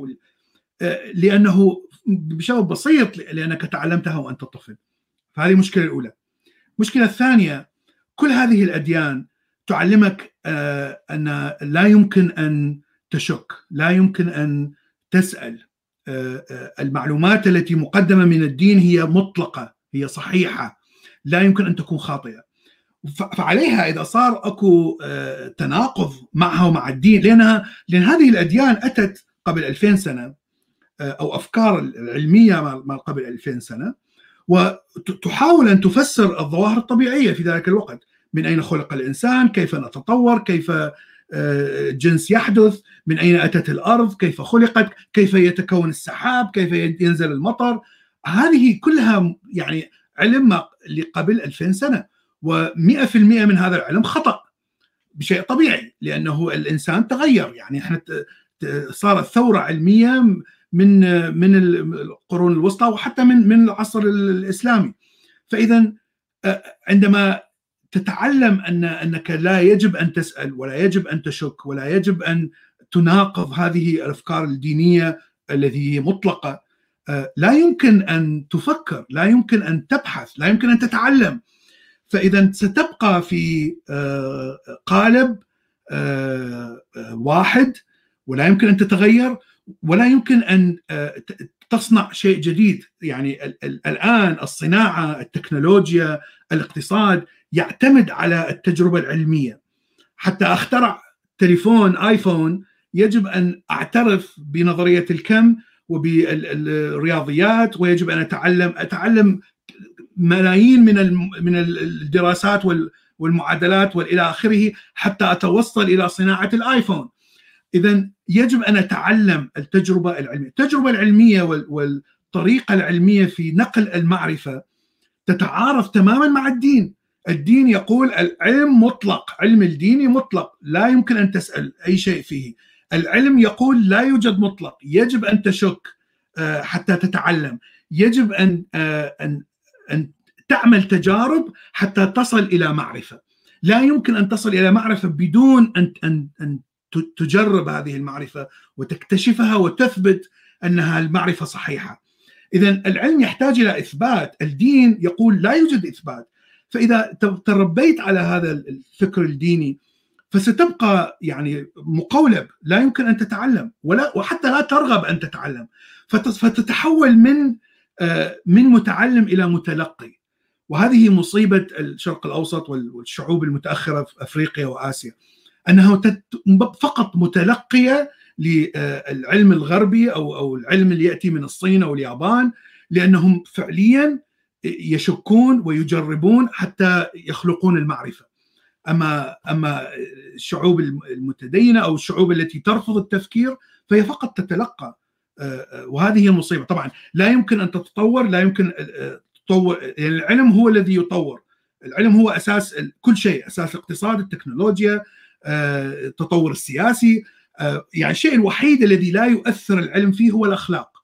يعني القوانين الأخلاقية هي الشيء الوحيد الذي العلم تماما لا يؤثر عليها ولا يهتم بوجود أو عدم وجود اخلاق يختلف معك سام هاريس في هذه النقطة. هو يقول بيحاول هاريس يدخل لنا نقطة من العلم وال logic يعني إنه هو تعرف الكتاب شوف شوف العلم يختلف عن الفلسفة، الفلسفة هي اللي تثبت الأخلاق، يعني الأخلاق تأتي من الفلسفة لكن العلم يعني ليس فيه أخلاق، يعني لا أنا ممكن أن أصنع قنبلة ذرية والقيها على اليابان. يعني آه. القنبلة الذرية تعتبر اختراع علمي يعني عظيم جدا شاهد جدا لكنه شيء إجرامي ليس أخلاقي. بس بس أنا اعطيك شيء ممكن يغير لك فكرتك بشكل بسيط جدا يعني. آه، من العلم. لو أنت تكتشف أن يعني أنت مثلا بتحاول تبتعد بأخلاقك عن إن أنت تسبب ضرر أو عذاب لكائن عندما تأكله. نعم. آه وأنت يعطيك العلم مثلا آه آه نبذة على أن هناك هذا الكائن الذي تأكله آه يشعر بعذاب شديد يكتشف نعم. العلم أنه يمر بكمية عذاب شديدة وله من الوعي الكثير التي لم تكن تعرف أنه عنده هذه الكمية من الوعي ومن هذه نعم. الأحاسيس قبل نعم. أن يعرفك العلم بهذا. يعني العلم ممكن يعطي شوية كونتريبيوشن لكي يصحح لك بعض يعني توجيهات وعلي وعليه نعم. برضه تاخده لمنضدة الفلسفة وتتحاور وتتناقش نعم. ولماذا العلم العلم يعتبر تول يعتبر آلة آه، للفلسفة يعني أنا ممكن أستعمل العلم حتى آه، أسن القوانين التي يعني هي اللي تمثل الأخلاق والفلسفة وكيف آه، يتعايش البشر بسلام في مجتمع وفي دولة وبين الدول مثلا. فأنا ممكن أستعمل العلم آه، بهذه الطريقة. لكن العلم نفسه كعلم يعني ما له علاقة بالأخلاق. هو ليس فاسد ولا خير ولا شر ولا لا يوجد شر وخير في العلم. أتفق نعم. طبعا أتفق. نعم. فإذا يعني أنا دائما أقول العلم والقانون. هم هؤلاء هم هم هم الأساس لقيام حضارة. المشكلة في الشرق الأوسط لا يوجد علم ولا يوجد قانون. يعني الناس لا يحترمون قانون القانون موجود والدستور موجود لكن لا أحد يحترمه. من الرئيس إلى الفراش الكل يسرق وينهب والكل يبرر بالسرقة والنهب فإذا لا يوجد قانون. القضاة في المحاكم متأثرين بالسلطة فلا يستطيع ان يقضي مثلا بنزاهة. إذا لا يوجد قانون ولا يوجد علم فإذا لا يمكن أن أن تقوم حضارة في هذه الدول. مستحيل. طيب النقطة الأخيرة قبل أن نتجه بقى للأسئلة آه، نعم. في هنا هذه النقطة الشديدة الخطورة. تكلمنا عن هذا الإله الفجوات الفجوات عمالة تصغر عليه من مئات الملايين من الأسئلة تصبح في ممكن حوالي خمسة أو عشر أسئلة فقط موجودين آه، وعندما سوف يجاب عليهم في الآخر حيقول لك لا لا لا وقف عندك هكذا. نعم. قرر نعم. الإله أن يقوم بالخليقه فهو نعم يعني نعم نعم ترقيق آه، هيحرك آه نعم. آه يحرك ال goal post يعني أنت تشوت البنالتي نعم. يروح محرك لك إيه، نعم. يدخل الهدف المهم نعم. آه، الشيء الخطر اللي بيحصل دلوقتي كنا بنتكلم تحت الهواء إنه يشعر الدين أن نكهة هذا العصر هو العلم فيلبس نعم. يخلع ال ال ال ال ال ال هذا العالم الديني الجلباب الروحي نعم. ويتكلم ويلبس البدلة والكرافته ونبدأ. نعم. في مصطفى محمود في الثمانينيات تتكلم في نعم. برنامجه العلم والإيمان نعم عندك ال ID اللي هم ال intelligent design اللي هم موثقين من ال creationism نعم نعم يحاولوا يتكفوا في مظهر علمي. ويعطوا للشباب نظريات مخ- مقطوعة ومغلوطة ومخصوصة لكي يوصلوا يبدو للوهلة الأولى أنه يتكلم علميا بشكل علمي نعم نعم آه ولكن آه، ي- ي- يجتزئ إلى أشياء ويصنع وعندك آه، هذا ويليام لين كريج بتاع الكلام cosmological argument نعم. يعني الموضوع ليس مخ- عشان يعني مش مش مسلمين بس نعم. المسيحيين يعني شاطرين في هذا الموضوع بشكل الشيء. خاص مسيحيين في أمريكا بشكل آه خاص. بالضبط. نعم. أساس المصيبة. آه طبعا هذا الموضوع خطر جدا لأنه يستخد... نعم. يستخدم نكهة العصر. يقول لك أنا نعم. أتكلم في العلم. هو يا عم لا أتكلم في هذا الدين. علم وليس دين. نعم. آه. نعم. كيف نقف هذا؟ وكيف يتحرى أنت في قلت لي سيدة كانت تتكلم معك تقول لك أشوف فيديوهاتك أصدقك أشوف يا. فيديوهات إياد قنيبي أصدقه. أصدق مين؟ أصدق مين؟ نعم صحيح صحيح. وهذه مشكلة صحيح. آه ال- ال- المشكلة أن الطريقة العلمية ليست فقط كلام. يعني آه يجب أن تكون يعني يجب أن تفهم ما هي الطريقة العلمية وكيف يعني تعرف وتفرق بين العلم وأشباه العلم. science و pseudoscience ف يعني أنا متفق معك ليس سهل. يعني يجب أن تقرأ كثير من من ال- الكتب وتقرأ كثير من العلم والطريقة العلمية وكذا إلى أن تبقى إلى أن تصل إلى مرحلة تبدأ بالفهم. فأبسط مثال آه، نظريات ال- ال- التي يعني تقول أن هناك آه، خالق للكون مثلا. لوجود ال fine tune argument. أو argument فال fine tune argument منطقيه جدا وعندما تقرأها يعني تصدق أن هذا شيء علمي. فيقول أن بداية ال- الانفجار العظيم آه، هناك ثوابت معينة آه، مثلا قوة الجاذبية آه، قوة ال- ال- الانفجار قوة الكذا. هناك كثير من الثوابت. أعتقد ليس كثير. أعتقد هناك لستة من الثوابت اللي هي ثابتة لا تتغير حتى إلى الآن.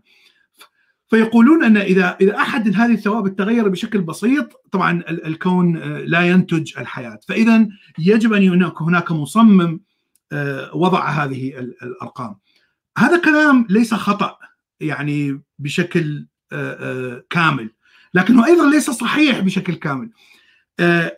أنت أنت تأخذ افتراض واحد من الافتراضيات التي تحاول أن تفسر آه، الانفجار العظيم. لأننا نعرف أن العلم لا لا, يوجد إجابة صحيحة لا يوجد إجابة مثبتة. اذا هناك عدة نظريات. كما ذكرنا بنروز يقول أن نهاية كون هو بداية كون آخر. هذه واحدة. طبعا كل هذه ليس فيها أي إثباتات كلها افتراضيات. الافتراضيه الأخرى وجود آه، ثقب أسود ونهاية الثقب الأسود هو بداية كون آه، جديد. النظرية الأخرى هي وجود مصمم. نحن نعرف من هو المصمم وهل هو طاقة هل هو إله مثل اللي نتصوره لكن وجود مصمم. هذا افتراض ثالث. إذا أنت لم عندما تأخذ آه، شيء علمي وتأخذ افتراضات وتأخذ الافتراض الذي يناسب دينك ويناسب معتقدك الديني ثم تشرحه على أنه علم منطقي هذه هي المصيبة. لأن المتلقي لا يعرف أن هذا الافتراض ليس له أي إثبات وهناك افتراضات أخرى أيضا ليس لها إثبات. اذا انتقاء ال ال وهذه شيء يعني اياد القنيبي آه، عبقري بهذا الشيء. وطبعا هو يعني هو ليس هو العبقري المسيحيين ال- الأمريكان هم العباقرة يعني هو فقط ينقل منهم. فال creationist أو الخلقيين في أمريكا بالضبط يفعلون هذا الشيء يأخذون البحوث يأخذون شيء واحد من البحث الذي في البيولوجي والاحتمالات الموجودة مثلا هناك احتمال يكون ضد ال bio ضد التطور هناك احتمال آخر مع التطور واحتمال آخر وجود خالق. فهو طبعا يأخذ ضد التطور والخالق ويذكر هذا فقط. فهذا الشيء من الصعب آه، آه، يعني تفنيده من الإنسان اللي لا يعرف لم يقرأ آه، عن الموضوع لم يقرأ بيولوجي لم يقرأ cosmology فعلا هي مصيبة كبيرة. و ولهذا يعني أنا أعتقد أن يجب أن ننشر يجب أن ننشر العلم الصحيح. يعني لأنه من الصعب أن تحارب وحتى لو حاربت يعني الحرب ليست سهلة مثل ما قلت لأنه يعني الآن شكله علمي وليس ديني لكنه يأخذ الشيء من العلم الذي يوافق الدين. المصيبة أنه لا يأخذ شيء مثبت يأخذ شيء فقط افتراضي. فهذه هي المصيبة هذه المصيبة الكبيرة. آه، طبعا هم أيضا يذكرون الأشياء المثبتة علميا التي توافق الدين فقط. طبعا لا لا يذكر أي شيء لا يوافق الدين. يعني هناك كثير أشياء من العلم لا توافق الدين هذه لا يذكرها تماما لكن يذكر فقط الأشياء الموافقة. فيعطيك نظرة شمولية أن العلم متفق 100% مع الدين وأن العلم الذي لا يتفق هو نتيجة لاخطاء أخطاء العلماء وليس لأن العلم هو الخطأ. لا العلم هو صحيح والدين هو صحيح لكن العلماء الذين هم هم الذين يخطئون. وهذه مصيبة. أنا متفق معك بشكل كامل. وهذا أحد أسباب يعني أنه أنشأت القناة. حتى يعني أعطي الأفكار العلمية الصحيحة. ليست ال pseudo science ليست أشباه علم وليست افتراضيات فقط. نعم فعلا. أنا يعني أتفق معك في كل شيء. أنا ناوي أعمل حلقة عن ال fine tuning arguments وحأوري الناس إزاي إنها يعني آه، يضع العربة آه، أمام الحصان يعني نعم. نعم صوتك قطع؟ معكوس ال logic معكوس. أنا آه، بقول لك يا أستاذ بلال عندك تقطع في البث؟ أنا بيحصل عندي شوية تقطعات أنا كمان أشوف تقطع. آه. مش عارف واحد منا عنده عنده تقطع I don't know واحد منا أو ال StreamYard عادة ممكن يكون ساعات آه في على ال platform نفسها. بس okay. أنا مش شايف شيء حد يتكلم ابدا إن في تقطع. لو حد في الشات يقول لنا أنتوا عندكم ال experience نعم. تسمعونا يعني. نعم نعم طيب خلاص إحنا هننهي في خلال 10 دقائق من دلوقتي يا أستاذ بلال. نعم نعم. يا جماعة بس أسئلة في آه لو لو تسمحوا في مكان أو في ال context أو سياق الحديث النهارده لو في عندكم أسئلة في ال cosmology أو البيولوجي أو علاقة العلم بالدين إحنا هناخد بضع أسئلة والأستاذ بلال هيقوم آه، يعني مشكور بالإجابة. آه okay. طيب تفضلوا يا جماعة اسئلتكم طيب وهم الناس بتحضروا الأسئلة.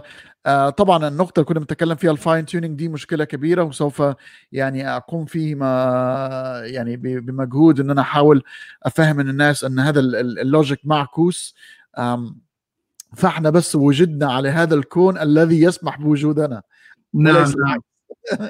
هناك هناك سؤال هل تدخل الانسان يؤثر مستقبلا على فعالية الانتخاب الطبيعي؟ أه ويتحول الأمر إلى انتخاب بشري يصبح الإنسان هو المتحكم الأول. هذا ممكن ممكن لأنه نحن يعني نعرف بالضبط آه، كيف يعمل ال DNA ونستطيع أن نغير من ال DNA لكن تغيير ال DNA ليس شيء سهل. آه، آه، يعني أنت أنت إذا إذا وضعت جين مثبت أنه مثلا يلغي مرض معين مثلا. هناك كثير من الأمراض الوراثية. فإذا إذا بدلت الجين المعطوب في الطفل وبدلته بجين صحيح من الأم أو الأب مثلا يعني أنت لا تعرف ما هي التأثير آه، هذا الجين آه، على الاشياء الأخرى من من جسم الطفل. آه، لأنه خاصة الآن هناك أشياء أخرى ليست فقط ال DNA هناك البروتين الذي يعني يتفعل ويفعل جين ولا يفعل جين خلال مرحلة الطفولة. يعني أنت ممكن آه، بالطعام التي تعطيه للطفل تفعل جين معين وتهبط جين آخر. اذا التربية آه، أيضا تؤثر على أي جين يتفعل وأي صفة تتفعل. هناك شيء آخر هذا اكتشف أيضا حديثا هو ال microbiota. هو البكتيريا آه، والأنواع أنواع البكتيريا التي تعيش داخل جسم الإنسان وهي يعني عددها هائل. تقريبا نصف الخلايا في الجسم هي هي بكتيريا غريبة عنك والنصف الآخر هي خلايا جسمك.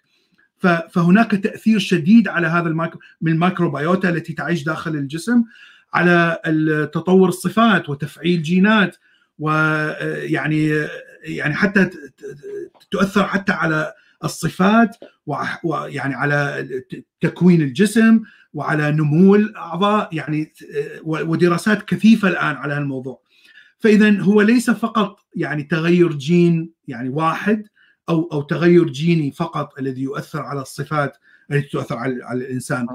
آه. لكن التغير البيولوجي الديناميكية الداروينية ستبقى موجودة هذه لن تذهب. يعني ونحن نراها الآن. شعوب الشرق الأوسط وأفريقيا وأوروبا حصل فيهم تغير جيني آه، آه، يعني أباح آه، شرب اللبن للكبار. لأنه الآن الشعوب الصينية وشرق آسيا عندما تشرب اللبن وعندما يكبرون يصير عندهم إسهال يصير عندهم مغص شديد لأنه جسمهم لا يتقبل اللبن. وهذا هو الشيء الطبيعي الذي تطور به البشر. لكن صار ميوتيشن يعني صار تغير جيني بالشرق الأوسط وانتشر إلى أو جزء من أفريقيا إلى الشرق الأوسط وإلى أوروبا أباح هذا الشيء. فهذا تغير دارويني. هذه تطور طبيعي. الآن هناك أفكار أخرى أنه تطور اجتماعي وهذا شيء آخر لأنه نحن نتطور بطريقة تكنولوجيا الآن وليس بطريقة بيولوجي فإذا آه، ممكن أن نشكل عين إلكترونية أو قلب آه، آلي. فهنا نحن لا نحتاج إلى التطور البيولوجي طبعا آه، ليس الآن لكن عندما يتقدم العلم إلى مرحلة معينة. آه، فهذا الشيء ممكن أن يحصل. يعني يعني أنا لا أستبعد هذا هو الشيء الذي سيحصل في المستقبل وليس التغير الجيني، التغير الجيني معقد بشكل كبير وليس سهل. يعني تأثيره يكون تأثير ممكن أن يكون تأثير مميت على الجسم، لكن التغير التكنولوجي ممكن يكون آه، آه، يعني لأنه يتماشى مع مع البيولوجيا الموجودة في في الجسم. نعم. فالإنسان اللي يصير عنده مثلا آه، قلب معطوب بدل ما يبدلون قلب من قلب آخر ممكن يضعوا له قلب اصطناعي. يعني هذا شيء يعني ممكن يحصل يعني بشكل لأنه الآن موجود عندنا إحنا قلب اصطناعي وكلية اصطناعية لكنها جهاز كبير يعني ليست ليست شيء بسيط ليست شيء صغير. فهي موجودة هذه الأجهزة موجودة لكنها كبيرة جدا. في سؤال آخر؟ نعم نعم آه سؤال من أحمد إسماعيل فلسفه تسأل أسئلة ويقوم العلم بالإجابة. الفلسفة يعني كانت تشمل كل شيء، تشمل الأخلاق، تشمل العلوم الطبيعية وتشمل العلوم الإنسانية. فمثل التاريخ وعلم الاجتماع يعني الفلسفه كانت تدخل في كل هذه الأشياء. طبعا طريقة الفلسفة في نقل المعرفة تختلف عن الطريقة العلمية. يعني الفلسفة لا تحتاج إلى تجربة يعني لا تحتاج إلى إلى تجارب حتى تتلقى المعرفة. ممكن أن اتلقى المعرفة عن طريق منطق فقط. والمنطق ممكن أن يكون صحيح لكن لا يوجد دليل عليه. عندما يقول أرسطو أن كل شيء يعود إلى واحد فإذا ممكن أن يكون هناك إله واحد هو الذي بدأ أو شيء واحد بدأ كل شيء فكرة منطقية لكن ليست علمية لا يوجد دليل على هذا الكلام. لا أحد يستطيع أن يعرف ما هذا هذا الواحد كيف بدأ كيف نشأ كل شيء. أين الدليل على وجوده؟ أين الإشارات التي تأتي منه حتى أتحسس هذه الإشارات؟ آه، فإذا الفلسفة في السابق كانت تفسر ظواهر طبيعية لكن منذ حصول النهضة الأوروبية خاصة آه، آه، في عصر النهضة في إيطاليا بدأت تنفصل عن الفلسفة بدأت الطريقة التجريبية بالعلم لنقل المعرفة تنفصل عن الفلسفة وهي التي طورت التكنولوجيا التي نراها الآن. هي التي وصلتنا إلى الإنترنت والتليفون والطب المتقدم إلى آخره. وأعتقد سيد بلال كمان ارسطو ارسطاطل ارتكب آه، بضع الأخطاء في هذه الفرضيه يعني هو افترض طبعا ديناميكية الحركة واللي هي خلاص بقى اوت إن كل شيء كل شيء آه، يعني يحرك من خلال شف أن طبيعة الأشياء هي الحركة وتعمل عليها العوامل نعم. نعم نعم. كثير من الأشياء التي افترضها أرسطو خاطئة. يعني خاصة بالعلوم الطبيعية. عندما تكلم عن العلوم الطبيعية يعني أبسط شيء هو اعتبر كل المواد أو تتكون من أربع عناصر كما ذكرنا الهواء الماء التراب النار. طبعا هذا الكلام خطأ. لا يوجد دليل على هذا. يعني نحن الآن نعرف أن كل عنصر من هذه العناصر هو فعليا يتكون من من عناصر أساسية أخرى. آه طيب آه خلينا نشوف بعد.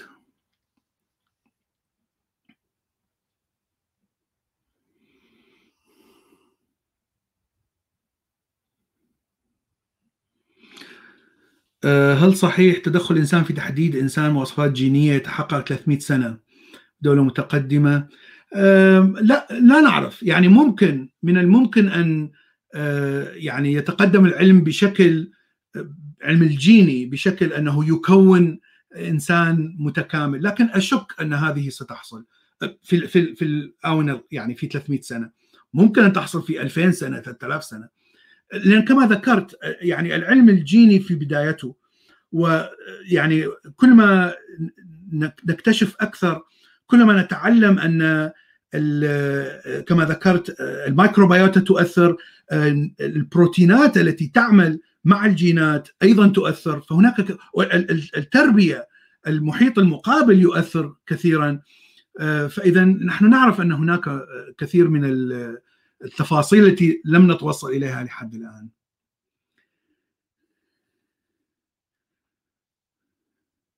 صعوبة الداروينية هي صعوبة الدرفت الجيني.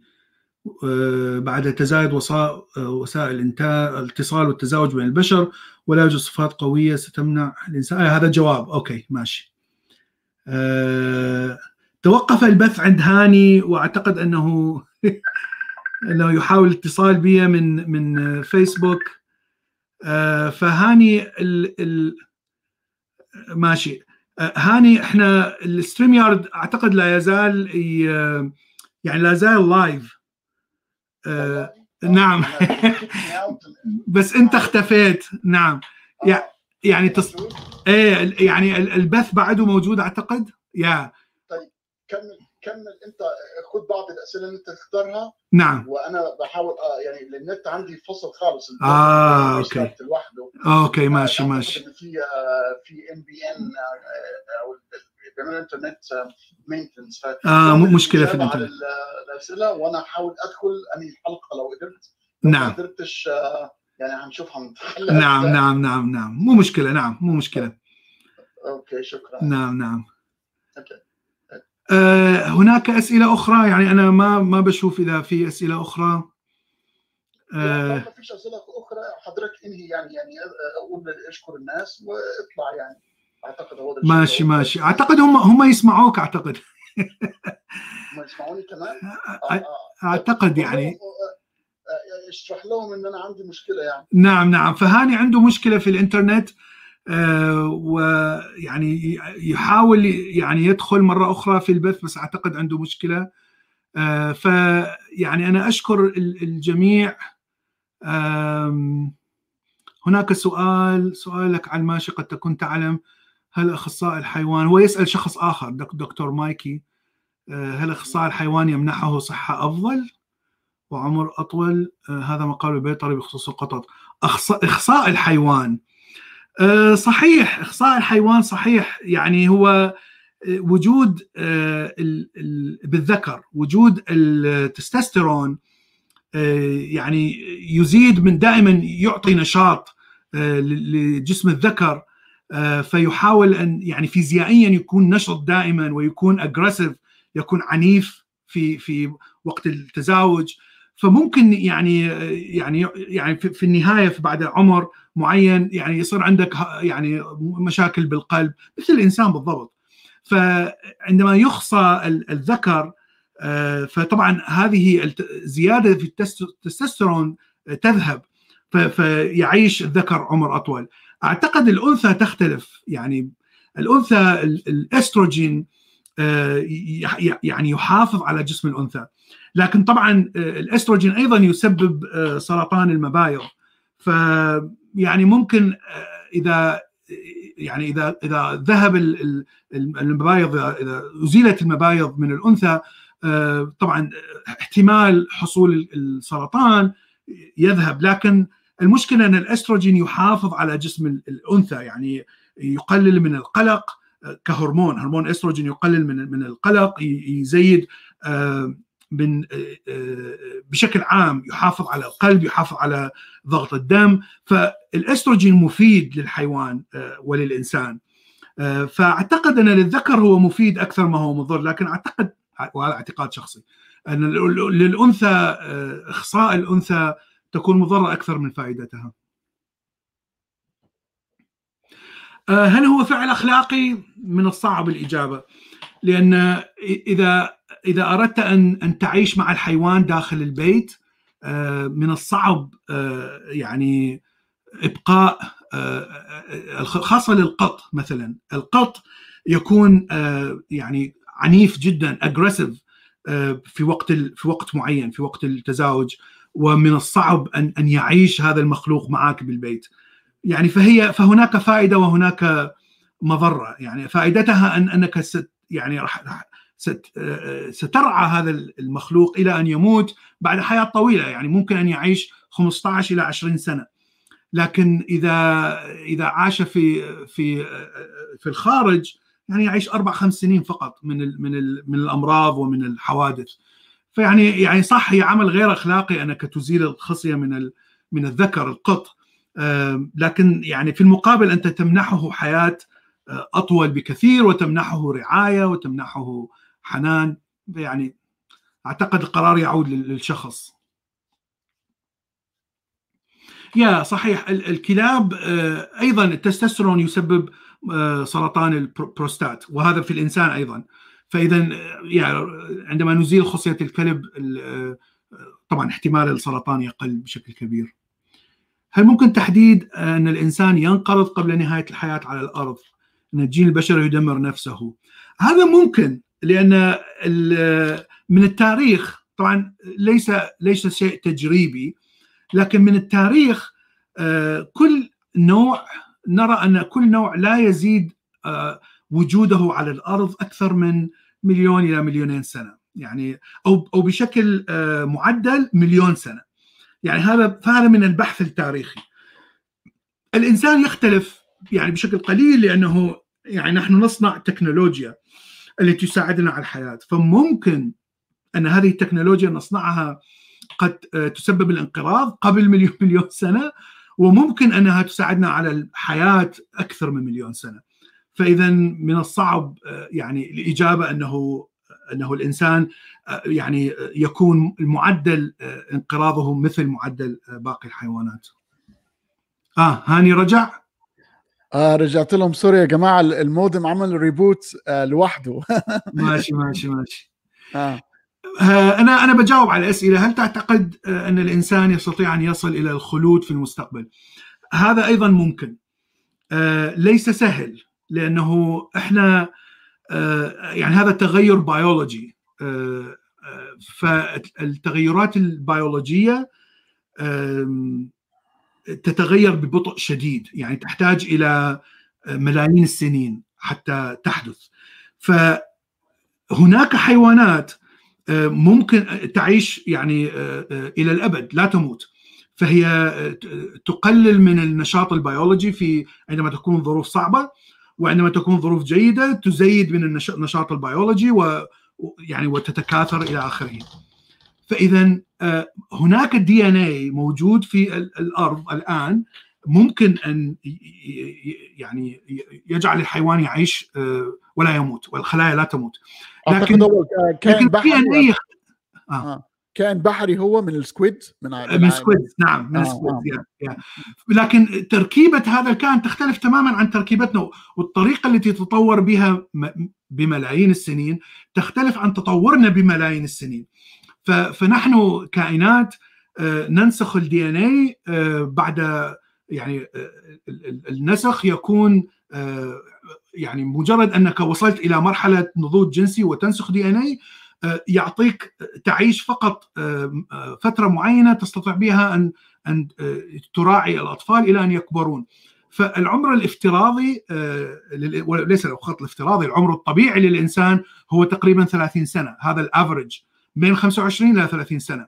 بعدها يبدأ الجسم بالاضمحلال وتبدأ وتموت يعني تبدأ الأمراض والمناعة تنزل إلى آخره. طبعا بوجود التكنولوجيا والطب إحنا نعيش الآن معدل أعلى بكثير ف فمن الصعب تغيير هذه الميكانيكية التي موجودة بيلت ان موجودة في الدي وهناك أشياء يعني بجسم الإنسان الآن تمنع أنه لا يحصل مثلا دامج لا يحصل تخريب في الخلايا. وجود الأكسجين استعمال الأكسجين بشكل كبير حتى ننتج الطاقة فيتكون منه جزيئات مؤكسدة وهذه سموم تعتبر. فهذه الجزيئات هي التي تسبب مشاكل في الميتوكوندريا ومشاكل في وممكن أن تغير حتى ال DNA يعني كثير من الميكانيكية الموجودة داخل الخلية داخل مصنع الخلية الذي يعني يسبب موت الخلية في المستقبل. كل يعني كلما نأخذ نفس لنستنشق الهواء فنحن نعجل من موتنا. يعني فاكلوا اي لأنه يعني, يا جماعة. يعني فكرة مهمة. التطور يعني لا يحدث حتى إحنا نعيش حياة سعيدة. التطور فقط يعني يحدث الصفة التي تحدث مفيدة حتى فقط تنجب الأطفال.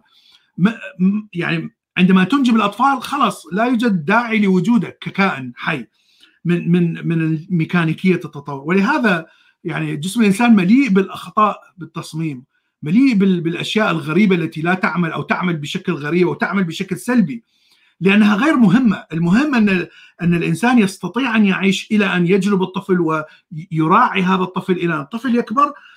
وهذه وهذه النقطة هنا الإنسان الكائن غير مهم، أصبح ممكن أن يموت لأن الطفل سوف يعني يحمل الجينات للمستقبل. أتفق معك تماما. أنا أنا بص هترك لك بقى المساحة. أنت وصلنا للساعة و50 دقيقة. أنت تقرر آه الوقت نعم نعم, نعم. ولما تستكفي قول لي. ماشي ماشي. آه سؤالي هل ممكن مستقبل اندثار من يدعون وكلاء الله في أرضه؟ وكلاء الله في أرضه يعني هذه فكرة فاشية آه يعني ودينية بشكل خاص. آه يعني كثير من الأديان تدعي أن المتدينين بهذا الدين هم الذين يرثون الأرض. المسيحيين اليهود المسلمين يعني حتى في الهندوس كل تقريبا كل الأديان تدعي أنها هي الذي ست... فهي فكرة عنصرية يعني فكرة قبلية. لا أعتقد أنها لا يوجد لها مستقبل. يعني أنت إذا تكون يعني كائن عنصري وهناك كائن عنصري آخر يعيش معك فإذا أنتم ستتحاربون. يعني لا يمكن أن تتعايشوا في سلام. آه، ولهذا يعني القبلية والعنصرية آه، إذا بقيت إذا ستبقى حروب. ستبقى الصراع والحروب. إذا لا يمكن أن يبقى جنس واحد يرث الأرض. يعني شيء منطقي. آه، إذا كان هناك جنس واحد يرث الأرض إذا هذا الجنس يجب أن يكون متفوق عسكريا بشكل كبير ويستطيع أن يمحو كل باقي البشر. وهذا لا أعتقد سيحصل. ونحن نعرف إن يعني أنت لما تفعل هذا الشيء أنت تعجل. يعني إحنا لما عملنا abolishing لل slavery ما هي فيها reciprocal يعني فيها تبادل منافع. أنت عندما تحرر الإنسان أنت تستفيد. يعني عند تحرير المرأة عندما تحرر المرأة أنت تستفيد كرجل. المجتمع كله يستفيد. العالم كله يطلع للأمام. آه، فعند عند أنت عندما يعني تنافس الآخرين وتقتلهم وتستعبدهم أنت تضر نفسك يعني في نفس الوقت على المدى البعيد. نعم نعم نعم. أه سؤال آخر كم سوف يكلف الإنسان من وقت حتى يستطيع خلق حياة على سطح المريخ؟ هذا كلام أيضا خيالي لأن سطح المريخ يعني لا يوجد هناك يعني حياة أه لا يوجد هناك ظروف ملائمة للحياة. نعم. أه ف يعني يجب أن تحول المناخ المريخ إلى مناخ معتدل لأنه الآن يعني برودة شديدة. ف ويجب أن يكون هناك ماء بالحالة السائلة وليس الحالة الغازية أو أو المتجمدة. والحالة السائلة للماء هي اللي ممكن أن تعيش فيها تصير فيها التفاعلات الكيميائية التي تعتمد عليها الحياة. أعتقد في أقمار أقمار تابعة للمريخ هي الأصلح. إلى أوروبا ثينك أعتقد. أوروبا مو مريخ لكن المشتري. مشتري سوري أها يا قمر قمر اوروبا وليس في السطح لأن السطح بارد جدا لكن في داخل يعني تحت السطح هناك ماء سائل والماء السائل نتيجة للجاذبيه القوية للمشتري يعني هي التي هي التي تجعل الكور أساس اوروبا يتغير لأنه جاذبية عظيمة. وهذا سبب وجود الحرارة ولا هي حرارة ليست من الشمس. فهناك افتراض أنه يوجد حياة في أوروبا. طبعا هو افتراض فقط. ولم ولم يثبت بعد.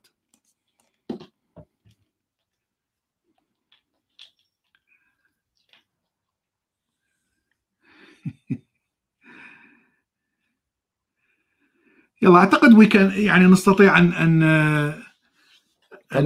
يعني يا. نستطيع أن ننهي الآن. أنا استمتعت كثيرا جدا جدا بالحوار وأتمنى انه ما يكونش آخر حوار ما بيننا. وممكن يعني النهارده كانت حلقة كده تقديمية لك ولأفكارك وتكلمنا في أشياء عديدة. بس ممكن في الحلقات القادمة يعني بعد بضعة أسابيع نتكلم في موضوع معين. موضوع معين نعم ونقتله يعني, يعني ممكن حكاية ال fine tuning دي وتسمع عن صديق اسمه عمر بن العاص. هو مهندس يعني يطلع على قناة ال others وهو أنا وهو يعني كنا بنعمل حلقات عن بدايات الكون وأعتقد إن إحنا ممكن نعمل حلقة ثلاثية يعني نتكلم فيها على ال fine tuning وأعتقد إن إحنا حنوفيها يعني من المعلومات إحنا الثلاثة يعني نغطيها. طبعا حتواصل معك تحت الهواء ونتفق بس أنا شاكر ليك كثيرا على كل هذه المعلومات والتواضع والجمال في عرض لا بصراحة استمتعت الحقيقة يعني. شكرا عزيزي. و... أنا فعلا استمتعت بوجودك وجود المشاهدين ويعني يشرفني أتي مرة أخرى. شكرا جزيلا. متشكر جدا. طب أتمنى لك الليل سعيد. أعتقد بقى عندك الساعة داخلة على 10 مساء. يا قريبا آه. يا يا نعم تجهز نفسك بقى وأتمنى لك يوم سعيد جدا صديقي العزيز. شكرا شكرا جزيلا. ليلة سعيدة. متشكر جدا. مع السلامة. آه طب مع السلامة. آه شكرا يا أعزائي المشاهدين على حسن المتابعة وأقابلكم في حلقة في المستقبل القريب. مع السلامة.